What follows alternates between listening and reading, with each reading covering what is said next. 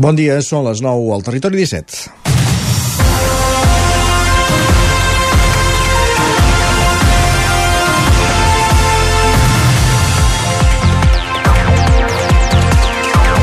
La Sala del Contenciós Administratiu de l'Audiència Nacional ha ratificat aquest dimecres la resolució de la Comissió Nacional dels Mercats i la Competència, conforme a vuit empreses lleteres espanyoles van formar un càrtel per intercanviar informació comercial sensible per coordinar la compra de llet a Espanya. Ras i curt. Pactaven el preu que oferien els ramaders.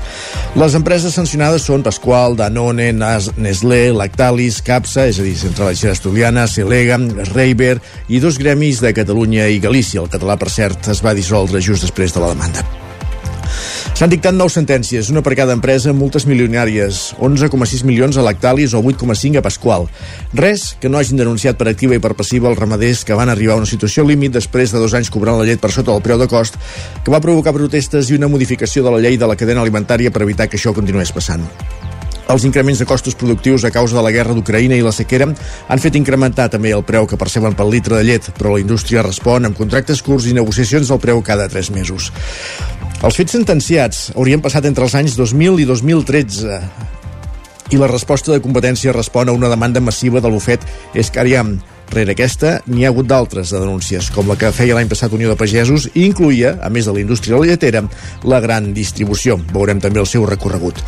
Amb aquests precedents, a ningú, a ningú li ha de sorprendre les mobilitzacions pageses de les darreres setmanes. Per cert, que valorarem aquesta resolució de, de l'Audiència Nacional d'aquí uns minuts al territori 17 amb el responsable nacional del sector boví de llet d'Unió de Pagesos Marc Xifra. Serà a partir de 3 quarts de 10 del matí en un territori 17 que ara comença avui 22 de febrer a la sintonia de Ràdio Cardedeu, Ona Codinenca, la veu de Sant Joan, Ràdio Vic, el 9FM, ens podeu veure també a través de Twitch, YouTube, Televisió de Cardedeu, el 9TV i la xarxa més. Territori 17.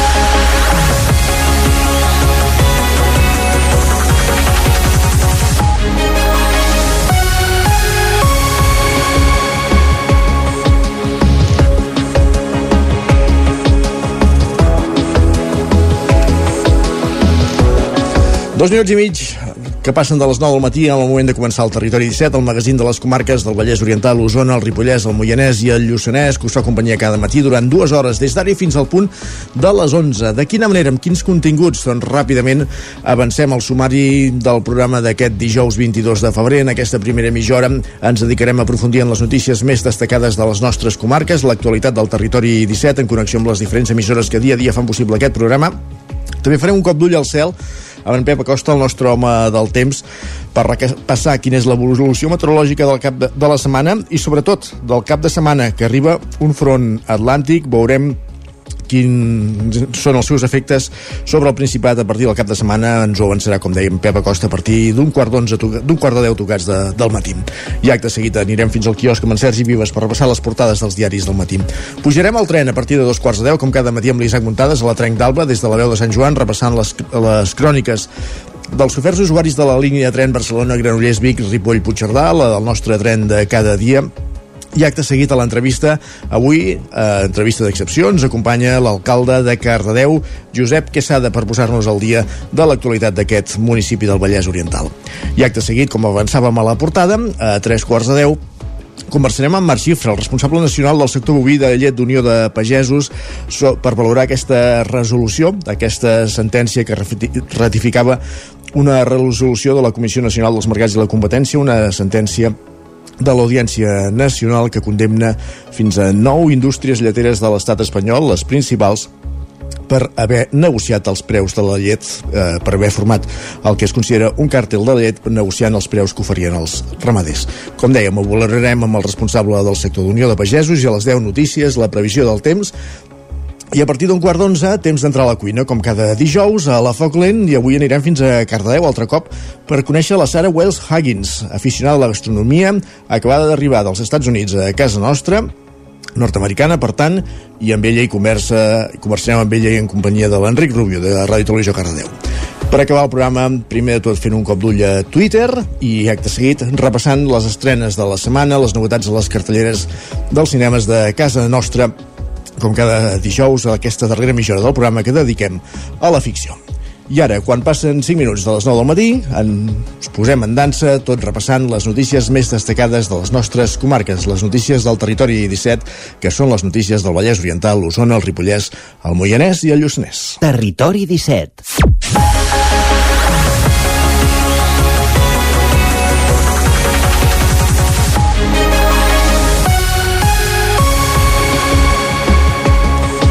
Les protestes dels pagesos arriben a Madrid, on els agricultors i ramaders d'arreu de l'estat espanyol col·lapsen al centre de la ciutat. Sergi Vives, al 9FM. La convocatòria liderada per la Unió d'Unions d'Agricultors i Ramaders va portar ahir fins a la capital de l'estat centenars de pagesos d'arreu d'Espanya, entre els quals mig miler de catalans. Les reivindicacions es van centrar en els preus justos, la igualtat de condicions pels productes que arriben de fora de la Unió Europea i contra l'accés de la burocràcia.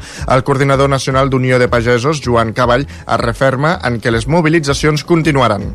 Avui es fa aquí al Ministeri, haurem de continuar pressionant i haurem d'anar allà on calgui amb tots els esforços que això comporti per intentar exigir que hi hagi solucions ja. El punt de sortida de la mobilització va ser la Puerta de Alcalá, des d'on es va dirigir cap a la seu del Ministeri d'Agricultura, ubicada a prop de l'estació de Totxa. Durant la jornada es va viure moments de tensió perquè es complís el recorregut marcat i es van acabar produint algunes càrregues policials. La qualitat de l'aigua dels rius d'Osona torna a baixar, va tornar a baixar l'any passat. Així ho constata l'estudi que el Centre d'Estudis dels Rius Mediterranis de la Universitat de Vic fa anualment sobre l'estat dels rius dels cursos pluvials de la comarca. La sequera que s'ha llarga des de l'any 2021 constitueix un factor clau per explicar la reducció també continuada de la qualitat de l'aigua. L'altre és que el cabal es redueix, però la, la contaminació no, cosa que fa disminuir els nivells d'oxigen als rius i que suposa una amenaça per la supervivència dels peixos i dels macroinvertebrats aquàtics.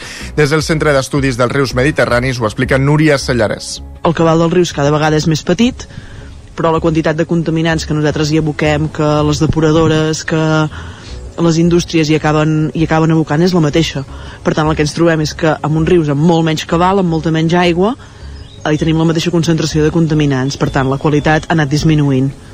Des del centre alerten que l'escenari que s'està dibuixant aquests últims anys tindrà continuïtat i que a banda de les restriccions de l'ús de l'aigua cal reduir l'aplicació d'adobs als camps de conreu i també canviar els barems d'abocament de les depuradores. Ens hem d'anar mentalitzant que, que fa molt temps que se'n parla del canvi global, del canvi climàtic i que cada cop hi haurà tindrem menys aigua disponible. Per tant, ser una mica conscients tots plegats de que, de que això ja ho tenim aquí i que ens hem de posar les piles. L'estudi situa la restauració dels boscos de ribera que fan de filtre dels nutrients provinents dels camps de Conreu com a actuacions que poden contribuir a la millora de l'estat dels cursos fluvials. Segons les dades del 2023, el bosc de ribera, que ha mantingut bons nivells als trams de la capçalera del Gès i la Riera Major i el Ter, però s'ha degradat als trams eh, més agrícoles, industrials i urbans, sobretot al Meder, al Rimentol i al Gurri més qüestions. Ahir en parlàvem amb l'alcalde de Centelles i avui recollim l'opinió del col·lectiu perquè no ens fotin el tren, que resumeixen com a decebedora la reunió que dimarts van tenir amb Adif, Renfe i el Departament de Territori, una reunió telemàtica que va comptar amb representants de diferents ajuntaments per on passa la línia R3. L'objectiu era clar, demanar explicacions i exigir responsabilitats davant de les constants incidències i retards que s'han registrat en la línia des de la seva reobertura el passat 4 de febrer. Minuts després de finalitzar la reunió a través través de les xarxes socials, el col·lectiu ja deixava anar un primer titular. Deien literalment que no hi ha ningú al volant. Asseguren que Adif, titular de la infraestructura, els va assegurar que la normalitat a la línia no es recuperarà fins al 4 de març, una data que afegia tampoc se'ls va donar amb garanties. Això ho explica el portaveu de la plataforma Marc Generes. Amb aquesta reunió vam poder constatar que és així, que realment Adif ens ve a dir que no en saben més, que això és el que hi ha i que van improvisant, van estendre una sèrie d'excuses, de, de, de qüestions, evidentment de dificultats, però sense cap capacitat tècnica d'haver-ho previst, d'haver fet accions eh, preventives ni correctives. Van a remolc dels fets i a què ens trobem la situació actual a l'R3? Que venim de quatre mesos d'un tall de servei i que quan es reprèn encara va pitjor. I ens estan emplaçant a fins al 4 de març no recuperar una certa normalitat, o sigui, un mes de desori absolut, que és absolutament inadmissible. El col·lectiu no només assenyala DIF, també denuncia el Departament de Territori de la Generalitat de Catalunya, a qui acusen de no haver respost als requeriments de recuperar el servei alternatiu per carretera mentre el ferroviari no funcioni en condicions. Si són incapaços de fer funcionar el tren, que posin busos, que posin alternatives. El que s'ha de garantir és la mobilitat. I aquí és on la Generalitat ha de jugar el seu rol. Ha de garantir una mobilitat pública eh, per aquests serveis bàsics de feina, d'estudis, i no s'està garantint. Per tant, si són incapaços amb tren, que ho facin amb bus, que ho facin amb taxis, que ho facin amb el que calgui, perquè és la seva responsabilitat i l'estan al·ludint. Així doncs, des de la plataforma perquè no ens fotin el tren lamenten que qui porta la batuta de la línia estigui immersa en una improvisació constant. L'ús del transport públic ha augmentat notablement aquest inici d'any a Vigues i Riells del Fai, anem cap al Vallès Oriental, ara Roger Ram, zona codinenca. Bon dia, exacte. Vigues i Riells del FAI enceta aquest 2024 amb un important augment dels usuaris del transport públic al municipi. I és que aquest mes de gener s'ha registrat un rècord històric en aquest sentit. Segons fons de l'empresa Segalés, operadora del transport a Vigues, un total de 8.173 usuaris s'han desplaçat en autobús en el darrer mes. Aquesta xifra suposa un augment del 33% dels usuaris respecte als que hi havia al gener del 2023. L'augment de viatgers més significatiu l'estiu l'ha viscut la línia urbana, que dona servei a l'interior del municipi, que ha incrementat el flux de viatgers en un 46%, és a dir, que gairebé els ha doblat. D'altra banda, la línia que connecta Vigues i Riells amb la capital comarcal, Granollers, ha incrementat prop d'un 10% els seus usuaris. L'alcalde de Vigues i Riells i regidor de Mobilitat, Joan Galiano, atribueix aquest augment de la demanda a la campanya de foment del transport públic que s'ha fet sobretot entre els joves.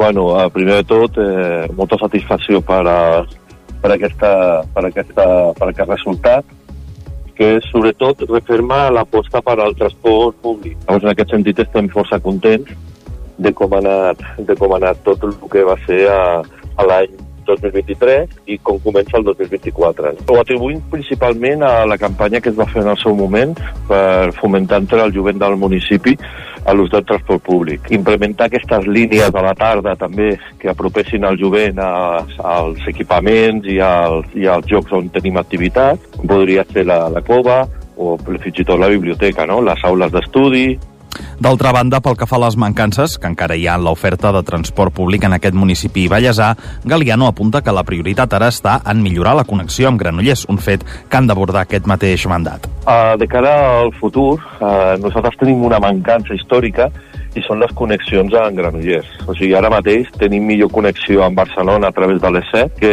que a Granollers amb els nostres transports. Aquesta és una de les línies que en aquest mandat volem potenciar i hem encarregat a, a l'operador que es faci un estudi de com podríem optimitzar millor les línies que tenim internes i com les podríem eh, fer arribar a Granollers de forma més efectiva i amb més freqüències. També aquest any s'han fet diverses millores a la línia urbana. D'una banda, s'han modificat els horaris per fer-los coincidir amb l'entrada i sortida dels alumnes de l'Institut Maria de Belllloc i de l'altra s'han reubicat algunes de les parades de l'autobús com la de l'Avinguda Francesc Maspons. Un dels objectius del consistori de cara al futur és seguir treballant en les connexions entre línies i estudiar noves parades per tal d'oferir un servei encara més adaptat a les necessitats del poble. El grup de Junts, a l'Ajuntament de Roda de Ter, ha més un comunicat en què valora l'aprovació a la Comissió de Territori del Parlament de la moció que el partit va presentar per buscar solucions al problema del trànsit dins del poble, Sergi. Els darrers dies, amb el tall del pont vell de Rodes, s'ha tornat a parlar d'una possible variant per descongestionar el de trànsit al municipi. Segons Junts, la proposta del grup parlamentari tenia en compte diversos fronts i deixava oberta l'opció d'una alternativa viària, però afirmen que les esmenes que ha fet Esquerra i la CUP n'han limitat l'abast de mesures d'integració urbana que consideren insuficients. Qui s'ha pronunciat sobre aquest tema és Jordi Vistós, l'alcalde de les Masies de Roda, municipi pel qual hauria de passar bona part de la via alternativa. Ha reiterat que ells no volen la variant, però admet que sí que calen solucions per al trànsit. Ens van dir que aquest projecte estava ja uh, que no es faria i sí que, que, bueno, que s'havia de mirar a veure quines solucions podien donar tant per Roda com per Masies perquè al cap també ho patim nosaltres el trànsit que hi ha s'han d'estudiar ben bé a veure quines solucions uh, poden anar més bé uh, primer de tot uh, igual un augment de, del transport públic en aquesta congestió de trànsit es posa en el focus a l'empresa Patel, tant pels camions com per la quantitat de treballadors que té. Vistós, però diu que això no és tot. L'estudi que es va fer també deia que un 75% de trànsit es quedava dins de roda i és un estudi molt ben fet que, que demostra que no tot són els camions de Batel, que sí que, que, que hi ha una part d'això, o camions d'altres llocs. Però si hi ha un 75% se't queda dins del poble és perquè hi ha alguna cosa que no, no s'ha d'arreglar dins del poble L'opció que defensa Vistós és la circunvalació a través de Manlleu, arreglant la carretera de Sant Martí i amb la ronda que ja té prevista aquest Ajuntament. Més qüestions. El govern de Cardedeu presenta el Pla d'Actuació Municipal 2023-2027. Enric Rubio, Ràdio Televisió Cardedeu. Així és, han estat moltes les vegades que l'oposició ho havia demanat i va ser precisament ahir a la tarda quan Josep Quesada, alcalde del municipi, i els tinents d'alcalde Xavier Orozco i Jordi Abad van presentar-lo a la ciutadania. Abans de començar l'exposició del PAM, van voler remarcar que l'espera havia estat degut a que, com van dir des del moment de les eleccions, volien incorporar una tercera força al consistori, i aquest fet no havia su succeït fins que aquest passat novembre, en què Junts va entrar al govern municipal. Un cop aconseguit superar aquest primer escull, i tal i com comenta l'alcalde, han estat treballant en primer lloc pels pressupostos i després per la creació del PAM, el qual consta de 361 accions. No s'han desvetllat gaires detalls concrets, però sí les sis línies mestres en les que es volen centrar i que siguin l'eix vertebrador d'aquest PAM 2023-2027, que són les següents. Són treballades d'una visió holística, preservar l'entorn i el paisatge urbà, així com treballar en la lluita contra el canvi climàtic i afavorir la transició energètica, facilitar la vida ciutadana, reparar una organització municipal de qualitat, recuperar Cardedeu com a referent comarcal i, per últim, un canvi en les formes de lideratge. L'alcalde ha fet èmfasi en enfortir una mobilitat ciutadana en bicicleta i a peu, remarcant aquesta última, i dur a terme unes polítiques climàtiques adaptades a la realitat actual. Respecte a la unió de les tres forces del consistori, sí que ha reconegut que hi ha hagut certs canvis en els punts del programa electoral que duien els respectius partits, però que els eixos importants s'han mantingut i que l'entesa entre aquests ha estat fàcil i ràpida, fet que han confirmat tots tres. Per la seva banda, Xavier Orozco ha explicat la voluntat del consistori de construir nous polígons industrials, així com convertir la Mongia, al lloc des d'on ara mateix estem parlant, en un centre de formació de referència, destinat a formar en professions que requereixin a Cardedeu, mentre que Jordi Abad, molt més escuet que els altres dos interlocutors, s'ha mostrat agraït per la facilitat de col·laboració i ha posat els seus esforços en donar pes a la regidoria de capacitats diverses, punt diferencial que, segons ell mateix ha explicat, va fer que entrés a, la, a formar part del govern sense reserves, tot i remarcar, sense, això sí, no sense un toc d'humor, que mai havia estat ni serà votant socialista, així com sí que ho ha estat de Convergència. Com a últim apunt ja, Blai Taverner de la CUP ha fet notar que ja un cop acabada la presentació no havien rebut cap convocatòria aquesta i que s'havien enterat per les notícies com la resta de la ciutadania. I encara en l'àmbit de la política municipal, l'Esquerra de Sant Joan de les Abadesses reclama que es millori l'edifici del mestre Andreu i més insta Educació accelerar el trasllat de l'infantil i primària a la Coromina del Bac. Isaac Muntades, la veu de Sant Joan. El grup municipal d'Esquerra Republicana de Sant Joan de les Abadeses ha demanat a l'Ajuntament que impulsi millores estructurals a l'edifici Mestre Andreu, un espai de propietat municipal i que en aquests moments acull els alumnes d'infantil i primària. Uns nens que està previst que es traslladin a l'edifici escolar de la Coromina del Bac quan s'acabi la segona fase de construcció del centre centre, el qual ja acull l'alumnat de secundària des del 2018. La regidora republicana, Laia Capdevila, va explicar que l'edifici del mestre Andreu pateix una sèrie de problemàtiques. Ja aquest edifici actualment pateix problemes, tant d'accessibilitat com energètics. Aquesta actuació creiem que ha de ser ja i ha de ser urgent, ja que ja ens hem trobat en alguns casos que s'ha hagut de reestructurar classes per problemes d'accessibilitat dels alumnes. Per nosaltres aquesta actuació ha de ser independent i paral·lel al trasllat de l'escola a la Coromina del BAC. Els republicans creuen que des que es va començar a plantejar l'any 2011 el trasllat de la comunitat educativa i escolar a la Colomina del BAC calia adaptar l'edifici pels possibles usos que pogués tenir en el futur. Segons deia Esquerra, l'equip de govern també havia rebutjat l'oferiment del Departament d'Educació d'assumir el cost de la totalitat de la inversió. Per altra banda, des del Departament d'Educació reiterades vegades s'ha ofert per actuar l'edifici, mentre es treballa amb la planificació de la futura escola, però davant de la negativitat municipal ha persistit durant més d'una dècada, no, no s'ha pogut avançar en aquest sentit. Nosaltres entenem que aquesta millora ha de ser complementària al futur del nou equipament i, per tant, l'Ajuntament ha de continuar demanant al Departament d'Educació aquest oferiment que es va per actuar a l'edifici. Esquerra reclamarà formalment i per escrit a l'equip de govern que sol·liciti al departament que contempli i destini una partida econòmica del pressupost 2024 a l'edifici Mestre Andreu per resoldre els problemes d'accessibilitat i el tema d'eficiència energètica. També els instarà a reclamar el projecte constructiu de la sala polivalent que no es va incloure a la fase constructiva existent a la Coromina del BAC. L'alcalde Ramon Roquer de Més va contestar la proposta d'Esquerra amb duresa, dient que els republicans tenen aturat el trasllat de l'infantil i primària a la Coromina del BAC des que van assumir el Departament d'Educació i que l'Ajuntament i el mateix departament l'Ajuntament ja han anat fent manteniment, però que hi ha deficiències que no es poden cobrir, com tenir un gimnàs o un espai cobert per activitats polivalents per un simple tema d'espai. Acabem aquí aquest rebàs informatiu que començàvem al punt de les 9 en companyia d'Isaac Muntades, Roger Rams, Enric Rubio i Sergi Vives. És moment al territori 17 de saludar el nostre home del temps, en Pep Acosta.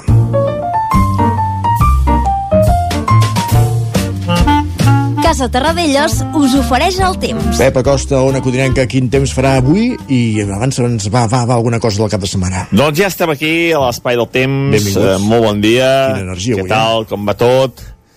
Avui dijous, 22 de febrer, eh, comencem el dia amb unes temperatures molt i molt suaus, molt suaus, eh, temperatures superiors als 5 graus a la majoria de poblacions.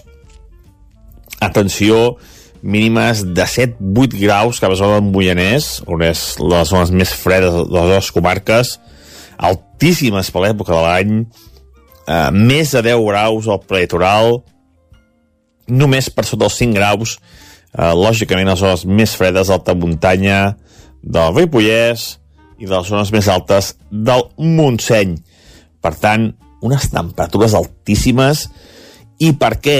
Doncs perquè tenim aquests vents del, del sud que avui bufaran de manera bastant important i que faran disparar la temperatura.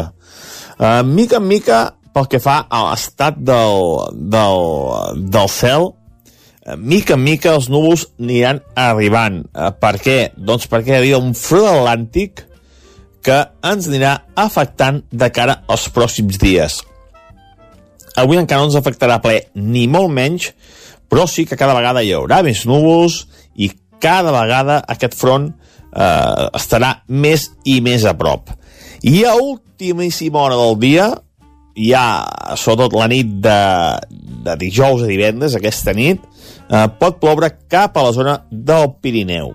Neu a 2.000 metres, eh, aquesta nit tot el que caigui serà molt feble, eh? Aquest, si és que arriba a caure el condicional de davant, si és que arriba a caure, serà de manera bastant, bastant feble. Les temperatures ara ja són molt altes i de cara a migdia encara pujarà més. Per què?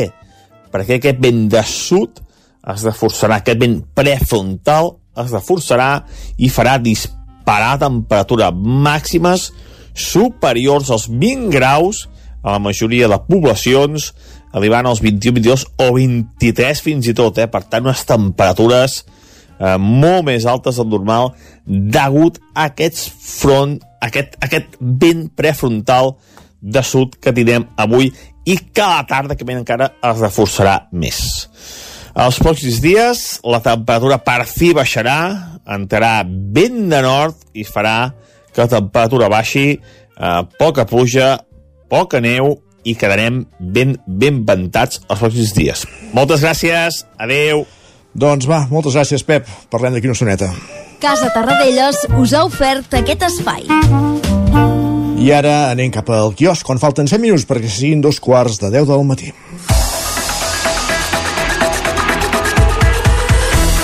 Perquè volem saber, Sergi Vives, quines són les portades dels diaris del matí que destaquen avui a portada dels diferents rotatius que trobem al quiosc, per on comencem? Doncs mira, començarem pel punt avui, que diu que ha quedat desallotjat un quart bloc a Badalona per esquerdes. Expliquen que comencen les revisions als 420 habitatges de l'illa de cases on hi va haver l'esfondrament.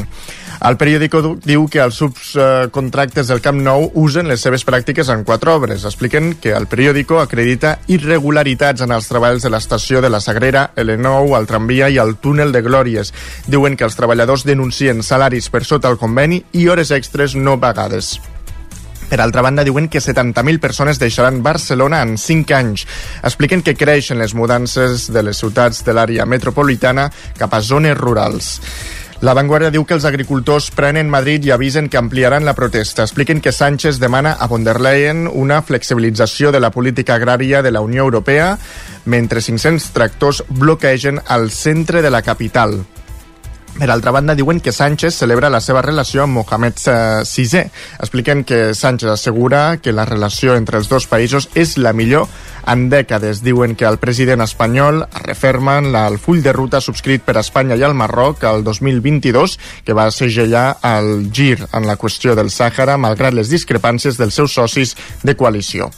Lara diu que Aragonès confirma que el Hard Rock tira endavant. Expliquen que el president insta els comuns a no sacrificar els pressupostos malgrat el macroprojecte. Diuen que el PSC ref, eh, reclama que s'acceleri l'informe mediambiental com a condició per avalar els comptes. I anem ara a repassar portades eh, espanyoles. El País diu que un error del jutge del cas Tsunami amenaça amb anul·lar tota la causa.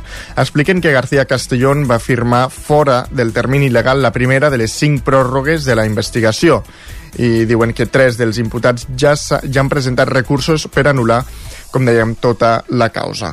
L'ABC diu que cau la mà dreta d'Avalos per corrupció en la compra de mascaretes eh, durant la pandèmia. Expliquen que Luco demana eh, deté a Coldo García, la seva dona, el seu germà i 17 persones més en una trama d'adjudicacions en administracions del PSOE que va denunciar precisament Ayuso al munt. Carai, tu, Ayuso, Salvador. Ayuso, mascaretes, bueno... Tot. Sí, sí. I acabarem també amb el Mundo, que diu que Coldo va cobrar comissions gràcies a la seva relació amb autoritats. Expliquen que l'assessor liderava una trama que va demanar la seva intermediació per rebre contractes sanitaris per 52 milions. Diuen que la Guàrdia Civil constata pagaments en efectiu i un increment patrimonial en què la seva justificació es desconeix. Perfectíssim, Sergi, moltes gràcies. Repassem ara, abans de marxar, quins són els titulars que podem llegir a aquesta hora a les dues edicions del 99.cat, a l'edició d'Osona, el Ripollès i el Lluçanès i el Moianès. Doncs ens quedem amb el Lluçanès perquè diuen que eh, la comarca aprova els estatuts de la Mancomunitat prèvia a la creació del Consell Comarcal. I aprofundirem a partir de les 10 i a l'edició del Vallès Oriental. Doncs destaquen un operatiu policial a la zona d'oci nocturn del Ramassà a Granollers. Doncs també queda recollit, gràcies Sergi. A tu. I ara el que fem nosaltres aquí al Territori 17 és una petitíssima pausa, res, 3 minutets i tornem de seguida a la Trenc d'Alba i amb l'alcalde de Cardedeu, Josep Quesada, analitzant aquest pla d'actuació municipal que, que ahir es presentava.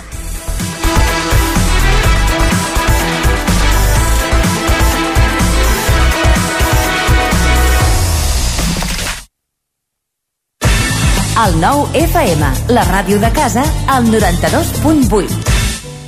Cobertes serveis funeraris. Els nostres tanatoris estan ubicats en els nuclis urbans més poblats de la comarca d'Osona per oferir un millor servei. Tanatori de Vic, Tanatori de Manlleu, Tanatori de Centelles i Tanatori de Roda de Ter. Sabem que són moments difícils i per això el nostre compromís és atendre-us en tot moment amb un tracte humà, sensible i respectuós. Cobertes serveis funeraris. Telèfon 24 hores 93 883 23 46. La qualitat de les teves impressions és important per tu? Estàs cansat que els colors i les imatges no surtin com t'esperes? A Impremta Mater disposem de la tecnologia més avançada i els millors professionals per aconseguir impressions d'alta qualitat. Fem tota classe d'impresos amb acabats professionals. Llibres, catàlegs, revistes, tesis, calendaris, enquadernacions... I a més, disposem del servei d'impressió digital en gran format. Roll-ups, lones, pòsters i molt més. Impremta Mater. Ens trobaràs a la carretera de Sant Hipòlit 23 de Vic o impremtamater.com Territori 17 el nou FM. Som l'espai comunicatiu format per les comarques d'Osona, el Lluçanès, el Moianès, el Ripollès i el Vallès Oriental. Enric Rubio, Ràdio Televisió, Cardedeu. Bon dia al grup. Cada matí, de 9 a 11, al 9 FM. Roger Ram, zona codinenca. Defensa de la sanitat pública. L'actualitat de les nostres comarques i tot el que has de saber abans de sortir de casa. Isaac Muntades, la veu de Sant Joan. De setmana, Sant Joan. Cada matí, Pep Acosta, el nostre home Territori del temps. 17. Avui contents. T'imagines un programa de política, d'economia, feina... Doncs ja te'n pots oblidar. Quin tinglado! Un programa d'entreteniment, actualitat, cultura i molt rigorós. Amb Bada Serrat, Miquel Giol i Eudal Puig. Un programa que no passarà a la història i que tampoc guanyarà cap ondes. No ens flipem. Escolta'l cada dijous en directe de 8 a 9 del vespre al 9 FM. Ai, ai, ai, quin tinglado! L'infopodcast del 9-9 amb Sílvia Pedret. Cada dia et donem les claus de les notícies més rellevants de casa nostra. Vivim en una comarca que s'està demostrant pionera en transició. Desperta't cada dia amb l'infopodcast del 9-9. Aquesta setmana tornen a ser notícia els pantans perquè han baixat... El trobaràs a dos quarts de vuit del matí al 99.cat, Spotify, iVox i, si ho vols, te l'enviem directament al mòbil. Subscriu-te als canals de WhatsApp i Telegram del 99. Soc Sílvia Pedret. Comencem. Anuncia't al 9FM. La màquina de casa. 9 3 8 8 9 4 9 4 9. Publicitat arroba al 9FM.cat. Anuncia't al 9FM. La publicitat més eficaç. Territori 17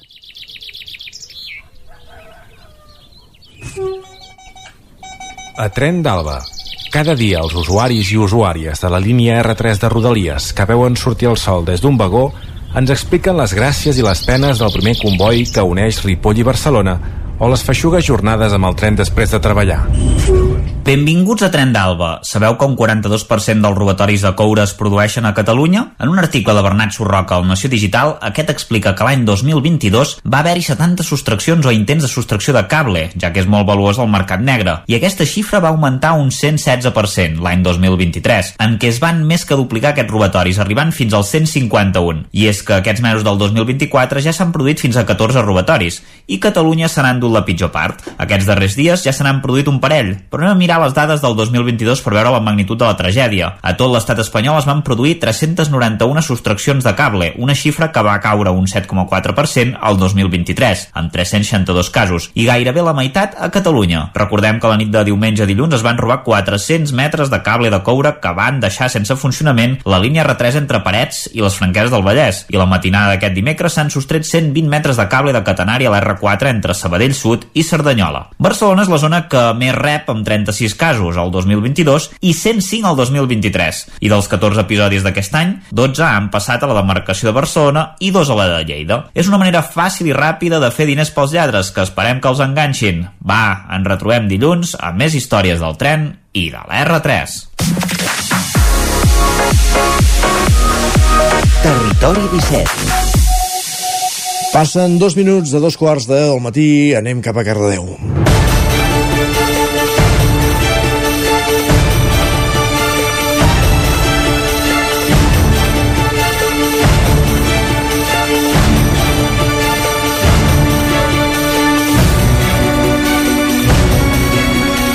L'Ajuntament de Cardedeu presentava ahir, tal com fa uns moments us hem explicat a les notícies, el Pla d'Actuació Municipal 2023-2027. Així que avui parlarem amb Josep Quesada, amb l'alcalde de Cardedeu, per poder desglossar un xic més totes les novetats presentades, tot el que recull aquest pla. En seran moltes, oi, Enric Rubio, Ràdio Televisió Cardedeu? Així és, Isaac, i com dèiem, la presentació que va de tenir lloc ahir va generar tant interès com expectació, ja que la sala de les columnes era plena de gom a gom. Una taula presidida per l'alcalde Josep Quesada, acompanyat dels tinents d'alcalde Xavier Orozco i Josep Abad, on s'hi va explicar tot el seguit de línies mestres que seran les vertebradores d'aquest PAM 2023-2027. Per això, avui hem volgut convidar precisament a l'alcalde del municipi per poder conversar una estona amb ell i que ens expliqui el que ha significat la presentació d'aquest PAM i la mateixa creació. No he esperat 100 dies, sinó que he esperat uns quants més, però ja tocava poder, poder convidar l'alcalde de Cardeu a la ràdio al poble, com a mínim, des de, que jo, des de que jo estic aquí. Molt bon dia, benvingut Josep, i moltes gràcies per estar avui aquí amb nosaltres al Territori 17. Com estàs? Molt bé, moltes gràcies a vosaltres per, per convidar-me. Em sentiu bé? Per, perfectament, alcalde, sí. Sí, sí i tant. Fantàstic. Uh, Josep, 361 accions, no són poques. Com ha anat la creació d'aquest PAM?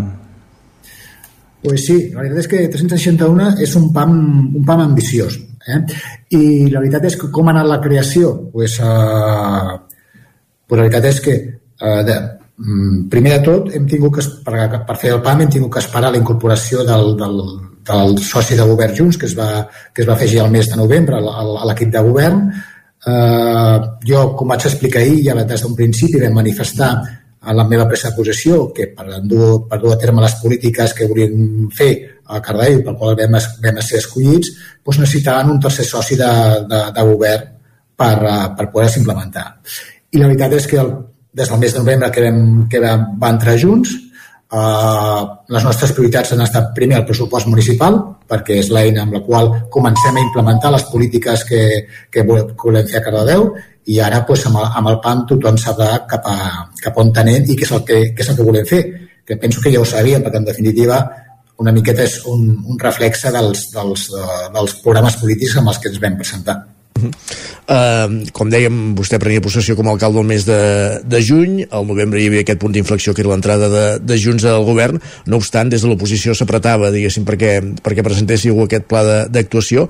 Ha estat fàcil uh, uh, congeniar els tres programes electorals que, que ara comentava, perquè, clar, uh, una cosa és un, un pla d'actuació municipal amb, una, amb un sol equip que té un programa clar, però, clar, quan els has de confluir amb d'altres, a vegades és quan hi ha diferències. Com ha estat aquest procés? Sí, aviam, no, us haig de dir que no ha estat, no ha estat difícil, tot al contrari. La veritat, la veritat és que uh, tots tres teníem, des d'un de, des bon principi, tenien ganes de, de col·laborar i de fer les coses bé. I, en teni, i enteníem, almenys com a mi des de la part socialista, enteníem que els resultats de les, de les eleccions municipals del, del mes de maig donaven que la població de Cardedeu volia precisament aquesta voluntat de canvi i nosaltres, evidentment, el que no podíem fer és que aquesta no fos, no fos possible. Per tant, la suma de, de, de totes tres forces polítiques ha estat, mm, ha estat fàcil. Evidentment, tots hem tingut que renunciar a alguna part del, del nostre programa per, perquè al final mm, som una suma de tres, de tres forces, però no està complicat. Alguna, alguna línia vermella, Josep, o algun escull que s'hagi hagut de superar per part d'alguna de les forces?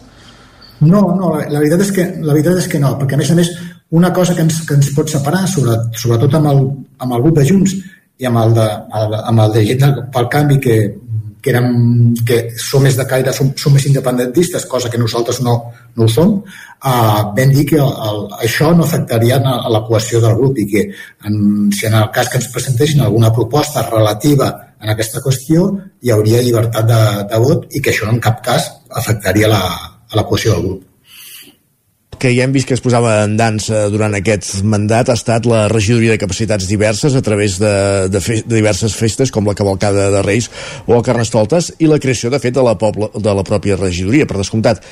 Serà un dels punts distintius d'aquest mandat, la creació d'aquesta regidoria i totes les accions que, que s'hi vagin desenvolupant? Sí, la veritat és que sí. A més, a més la nostra voluntat era, era, cara, era, era clara, aviam, eh, nosaltres volem governar per tothom i aquest governar per tothom inclou, inclou aquestes persones amb capacitats, amb capacitats diverses. Per això vam crear aquesta regidoria es, es, específica per visualitzar, posar en valor i, i que aquestes persones se sentin incloses en, en, els, en els actes que fem des de, des de l'Ajuntament la, o que puguin que puguin realitzar entitats en col·laboració amb, amb, amb, amb, amb l'Ajuntament per nosaltres és important. A més, és, és un dels eixos transversals de les nostres polítiques, especialment quan ahir vaig comentar la, la inclusió d'aquest tipus de, de, de persones. De fet, a peu, a peu de carrer ha tingut molt, molt bona acollida. Els, els assistents d'ahir a la sala de les columnes eh, vam escoltar moltes coses, idees de futur, però crec que, i em veu fer força èmfasi, que si haguéssiu de posar un titular al PAM seria l'Ajuntament a prop teu. Crec que això és una de les coses que ens vam quedar més clares, tal i com vau repetir diverses vegades. Haig de dir que és un bon eslògan, eh? eh ja sigui de campanya o com a, o com a PAM. Sí, sí, la veritat és que, aviam, volem ser, aviam, volem ser pròxims a pròxims a, a la gent, volem escoltar a la gent, volem que la gent ens traslladi quines són les, les seves necessitats, perquè bé, nosaltres amb els nostres programes ja, ja hem, hem, hem treballat i hem, i hem rebut informació de la, de la gent sobre el que és el que necessita Cardedeu, però això no, no acaba el nostre programa. Segurament les circumstàncies ens poden portar a, a que els canvi, a que els, els, els qüestions que nosaltres portam als programes com a conseqüència de les circumstàncies s'hagin de modificar. I amb això també de dir que han de ser prou flexibles per fer-ho i aviam, el que volem és eh, que la gent si, eh, visquen a Cardedeu s'hi trobi gust, que trobi un ajuntament col·laborador per, per, per engegar els seus projectes de vida, els seus projectes d'emprenedoria, de, si és necessari, i és, i és acompanyar-los en tots aquests processos. Uh -huh. Com, com s'afronta la crisi climàtica des de l'Ajuntament a través d'aquest pla d'actuació municipal? Què, què contempla en àmbits com la sequera, però, però no només, perquè clar, eh, aquesta crisi climàtica ens, ens afecta des, des de molts àmbits. Sí, la veritat és que, la veritat és que, la veritat és que sí. Primer, eh, les polítiques que implementem en, en, el, en el nostre en el nostre, en el, en el nostre dia a dia han, tenir, han de tenir en compte aquesta, aquesta lluita contra, la, contra el canvi climàtic. I això és un dels eixos de la, de la, de la, de la, de la nostra, de la nostra, de la nostra proposta. Pretenem també que eh, tots els equipaments eh, municipals disposin d'energies renovables.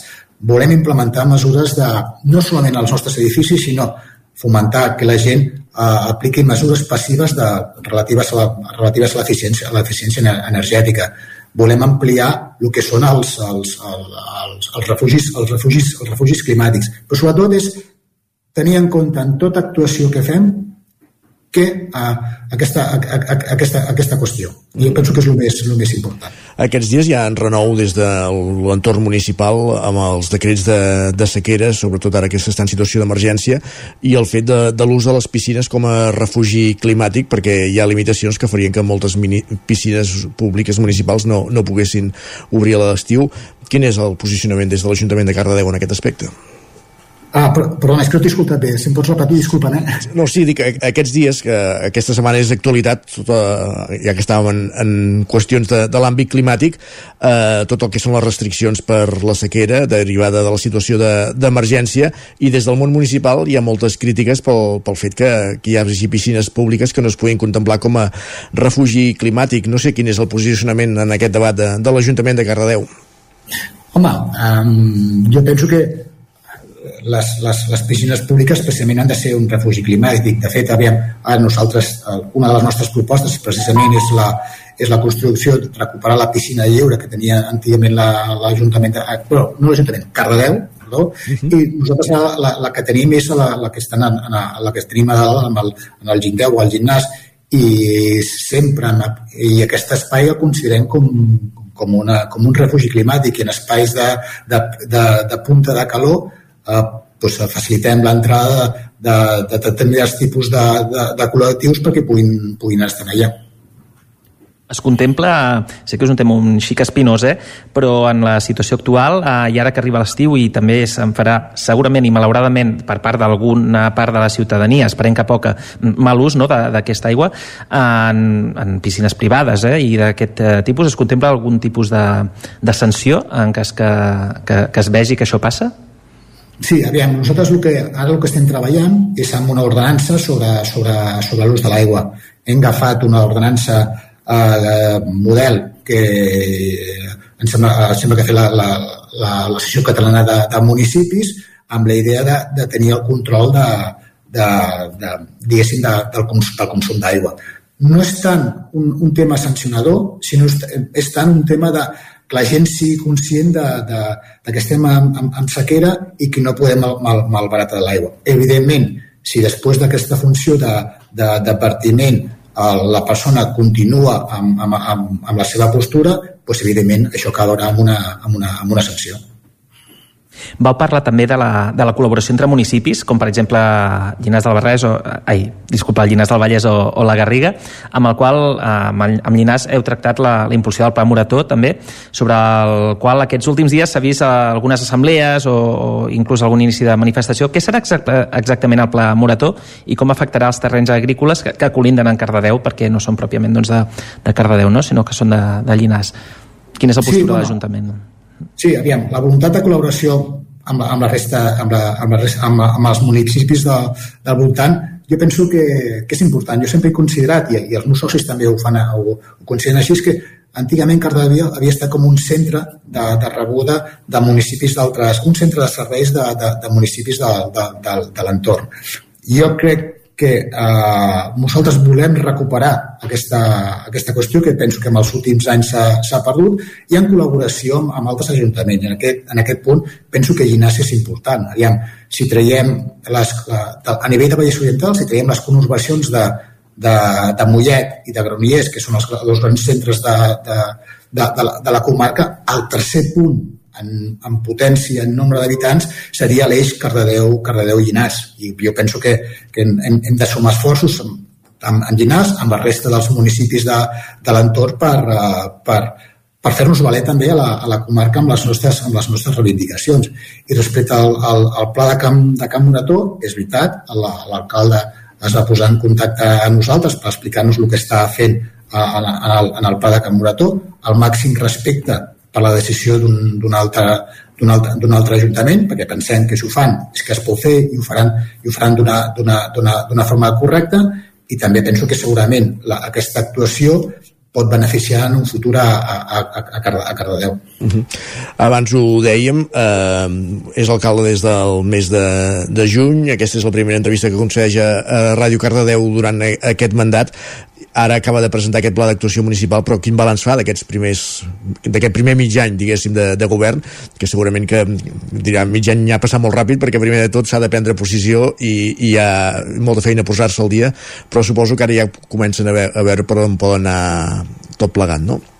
Sí, la veritat és que ha sigut, ha sigut mig any molt, molt intens. Jo que a vegades com quan eh, personalment penso, pares a pensar un momentet i dic, ostres, ja ha passat, ja ha passat mig any. O sigui que això va, això va, això va molt ràpid.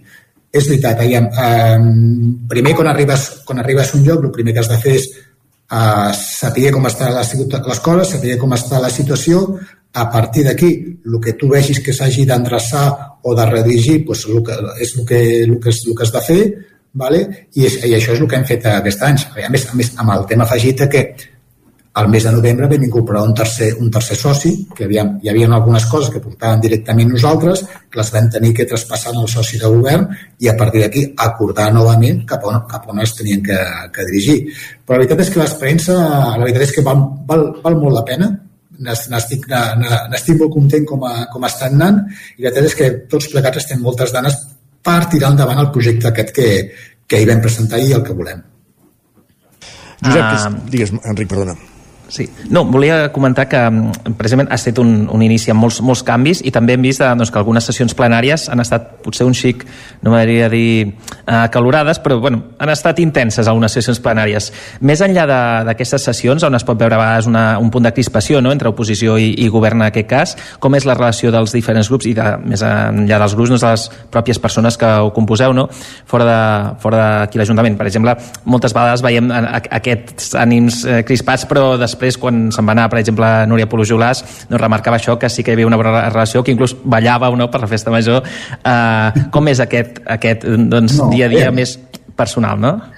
No, no, jo, jo crec que a nivell, a nivell personal la, les relacions amb, amb la resta de, de, de, de regidors del consistori jo, són cordials. Aviam, no, no, això no és una cosa, és el que passa en, en els plens. En els plens cadascú defensem els nostres, eh, els nostres criteris, els nostres posicionaments, el que nosaltres creiem que és, que és el millor del poble de cara a cadascuna de les, de les nostres perspectives, però més enllà d'aquesta situació de crispació que sembla que pugui haver-hi al ple eh, amb un tema, mm, jo crec que això es queda en l'àmbit propi del ple, que un cop s'acaben els plens, la relació és absolutament, és absolutament normal. Jo penso que s'ha de distingir perfectament el que és la relació personal que puguis tenir amb una persona amb el que és el, el, la, la relació política eh, que, que, que a vegades pot, pot ser més, més, més, més dura o menys dura. En tot cas, també forma part de les, de les, de les regles de joc.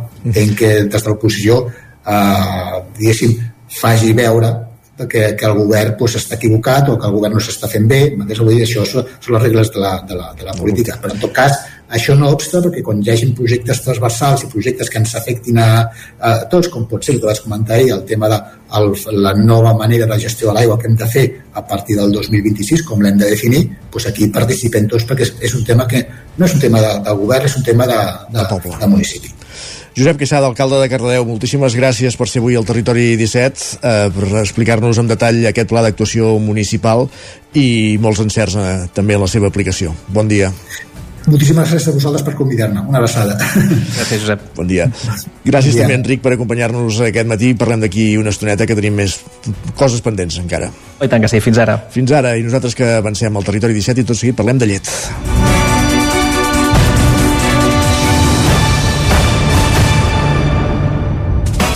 Territori 17 11 minuts i mig perquè siguin les 10 del matí. Els ho explicàvem a l'inici del programa a la portada. La sala del contenciós administratiu de l'Audiència Nacional ha ratificat aquest dimecres la resolució de la Comissió Nacional dels Mercats i la Competència conforme vuit empreses lleteres de l'estat espanyol van formar un càrtel per intercanviar informació comercial sensible per coordinar la compra de llet a Espanya. Ras i Curt pactaven el preu de, llet, de la llet que oferien els ramaders. Per valorar aquesta resolució ens acompanya a l'altre cantó del fil telefònic el responsable nacional del sector boví de llet d'Unió de Pagesos, Marc Xifra, qui ha saludem, bon dia, benvinguts. Bon dia. bon dia a tots. Sí. Uh, ahir uh, Marc Xifra coneixíem aquesta resolució de l'Audiència la, Nacional. De fet, ratificava ja una resolució de la Comissió Nacional dels Mercats i la Competència. Estem parlant d'uns fets jutjats o valorats en aquest cas uh, corresponents entre els anys 2000 i 2013 en què es qualifica que hi hauria aquest càrtel de la llet entre les nou grans indústries que operen a, a l'estat espanyol. Eh... Uh, res de nou tenint en compte que després d'aquest any 2013 Unió de Pagès, des d'Unió de Pagesos mateix heu denunciat també que, que continuava passant coses d'aquestes i fins i tot a l'última demanda incloïeu la, la gran distribució Sí, sí, vull dir estàvem pendents de que aquest càrtel estava, estava per resoldre el de les indústries ara hem vist finalment que és una gran victòria que, que, que està resolt no?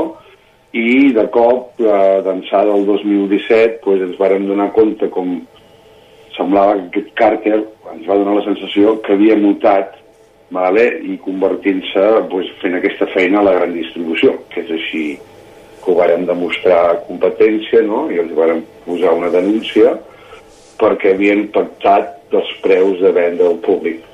Per tant, els havien pactat uns preus a la baixa per fer servir la llet com a producte reclam i de retruc que això feia pues, que la llet al camp se seguís pagant uns preus irrisoris. Uh -huh. val?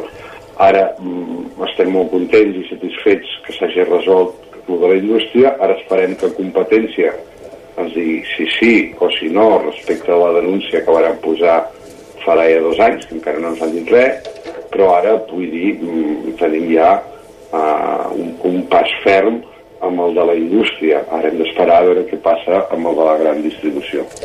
Uh, la resolució de l'Audiència Nacional estableix multes milionàries en alguns casos. Estem parlant de 11,6 milions al grup Lactalis, és la multa més alta, la segueix el grup de Leche Pascual, 8,5 milions, uh, que són sancions per, per haver format part d'aquest càrtel, per, per haver uh, pactat preus, per entendre'ns, però no sé si esteu del tot satisfets amb aquesta resolució, espereu alguna cosa més ja, encara que aquestes multes d'11 milions o, o ja perdo com els milions aquests d'euros eh, que dieu, vull dir, aquesta gent, aquests, aquests diners eh, els varen fer no pagant-nos el que ens tocava a nosaltres, vale?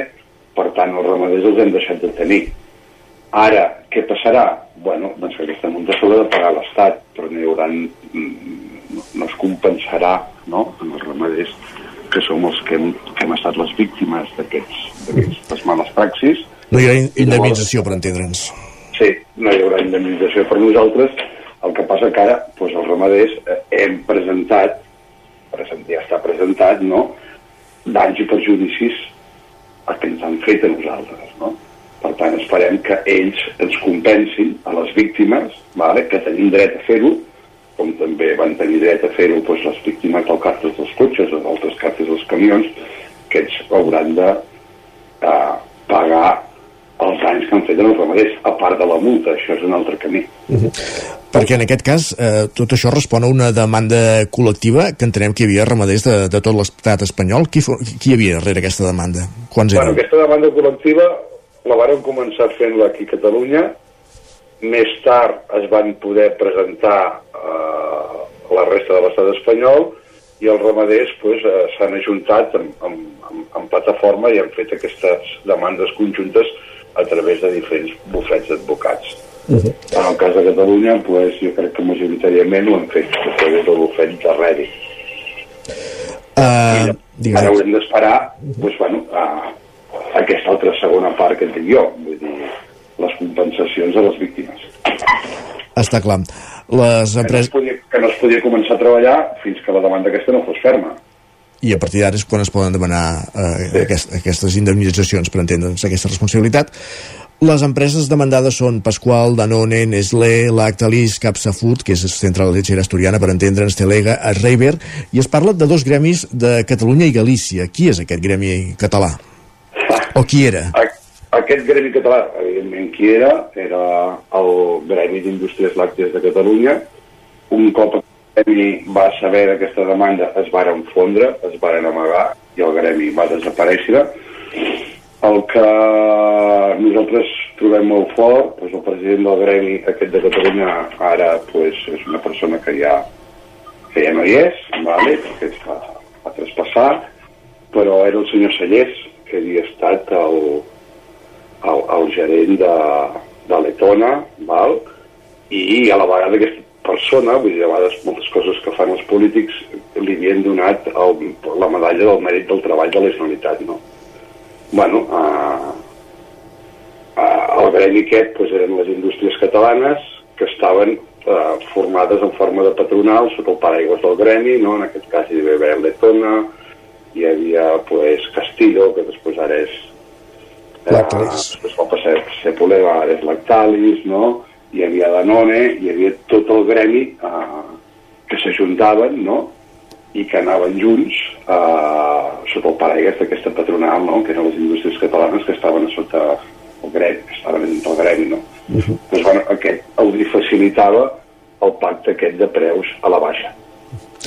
Quina és ara actualment la, la situació del sector lleter català? Perquè sí que semblava que amb la, amb la, amb la nova llei de la cadena alimentària eh, s'intentava posar fi a aquests, eh, el fet, si més no, que els preus, que no es pagués el ramader per sota de cost, eh, en certa manera el sector es va veure beneficiat per l'increment de, de costos de, de producció derivats de, de la guerra i de, i de la sequera que ha fet que també pugessin els preus, que de, lògicament, eh, els preus que rebeu pel, pel litre de llet. Eh, no sé si en els darrers mesos s'han anat ajustant, quina, com està vivint el sector ara mateix, bueno, la, la situació? Evidentment, la llei, la llei aquesta de la cadena alimentària no, no funciona per al fet de que encara aquest, aquesta llei no ha estat capaç de, de, de fixar la posició de domini, no?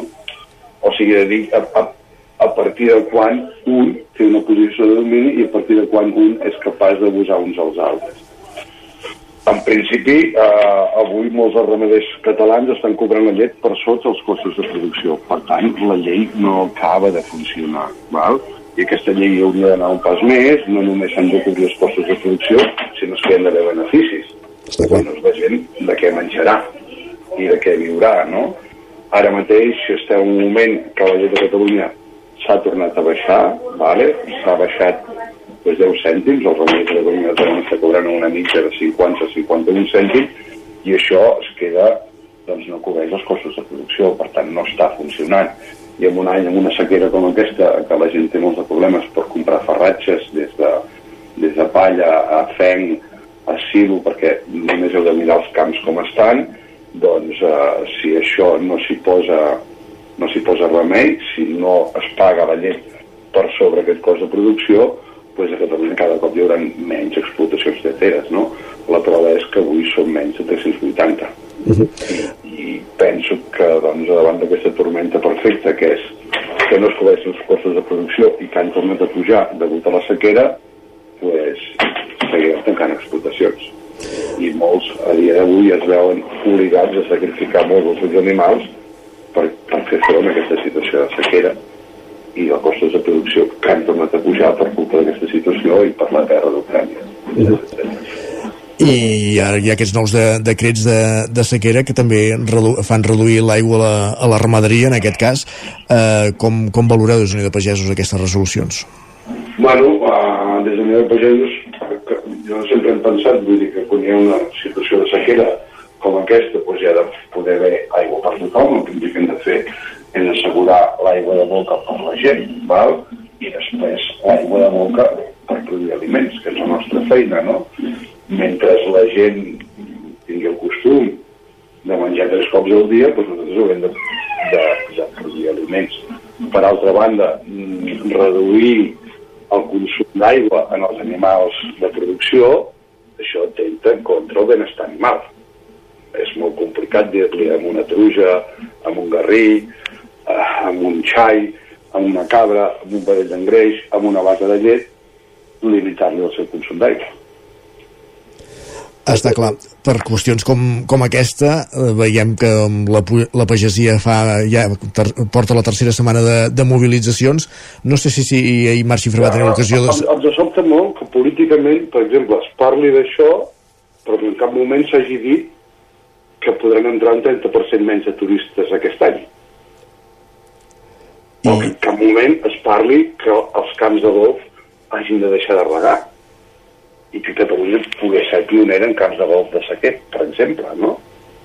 Uh, ens sobta que passin altres sectors per davant de nosaltres quan nosaltres som la intendència del país i com Catalunya és un país que, que no té sobirania alimentària i que ens hem de preocupar nosaltres per produir aliments per tota la població. Està clar. Marc Xifra, responsable nacional del sector boví de llet d'Unió de Pagesos, avui hem focalitzat una, un d'aquests aspectes que té la, la, que fa que la pagesia estigui ara mateix alçada, com és eh, la situació de, del vaquer de llet, del preu de la llet, arran d'aquest contenciós administratiu, d'aquesta resolució del contenciós administratiu de l'Audiència Nacional que ratificava la resolució de la Comissió Nacional dels Mercats de Valors i la Competència. Conforme vuit empreses lleteres van formar un càrtel per canviar intercanviar informació i pactar els preus que oferien els ramaders entre els anys 2000 i 2013. Ho hem valorat, com dèiem, amb, amb Marc Xifra, responsable del sector vaquer de llet d'Unió de Boví de llet d'Unió de Pagesos. Gràcies per atendre'ns i que acabi de passar molt bon dia. Molt bon dia, gràcies per donar-nos veu. Gràcies, bon dia. Moltes gràcies. Adéu. Passen dos minuts de les 10 del matí, és moment d'actualitzar-nos al territori 17.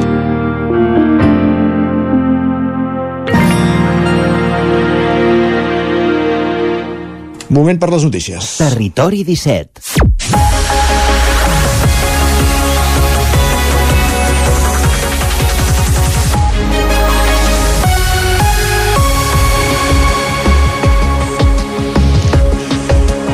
Moment per les notícies, moment per, que fem en connexió amb les diferents emissores que dia a dia fan possible aquest programa. Ràdio Cardedeu, una codinenca la veu de Sant Joan, Ràdio Vic, el 9 FM, també ens podeu veure a través de Twitch, YouTube, Televisió de Cardedeu, el 9 TV i la xarxa, més per explicar-vos aquesta hora que cada vegada són més les persones que converteixen cotxe i és que segons estudis oficials europeus, el sistema de car sharing pot arribar a suposar un estalvi personal de 2.500 euros si es fan entre 1.000 i 2.500 quilòmetres a l'any, uns sistemes però que encara costa que, estigui, que s'arrelin a casa nostra. A Cardedeu fa 3 anys que compten amb un cotxe elèctric compartit de la cooperativa Som Mobilitat. Enric Rubio, Ràdio Televisió Cardedeu.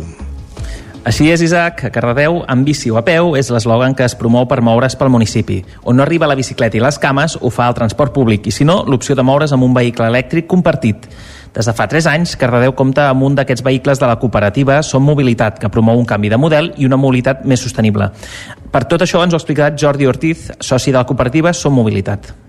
Hem de pensar que realment eh, tenir un cotxe particular com a inversió familiar és horrible. O sigui, estàs perdent eh, valor des del moment que el compres.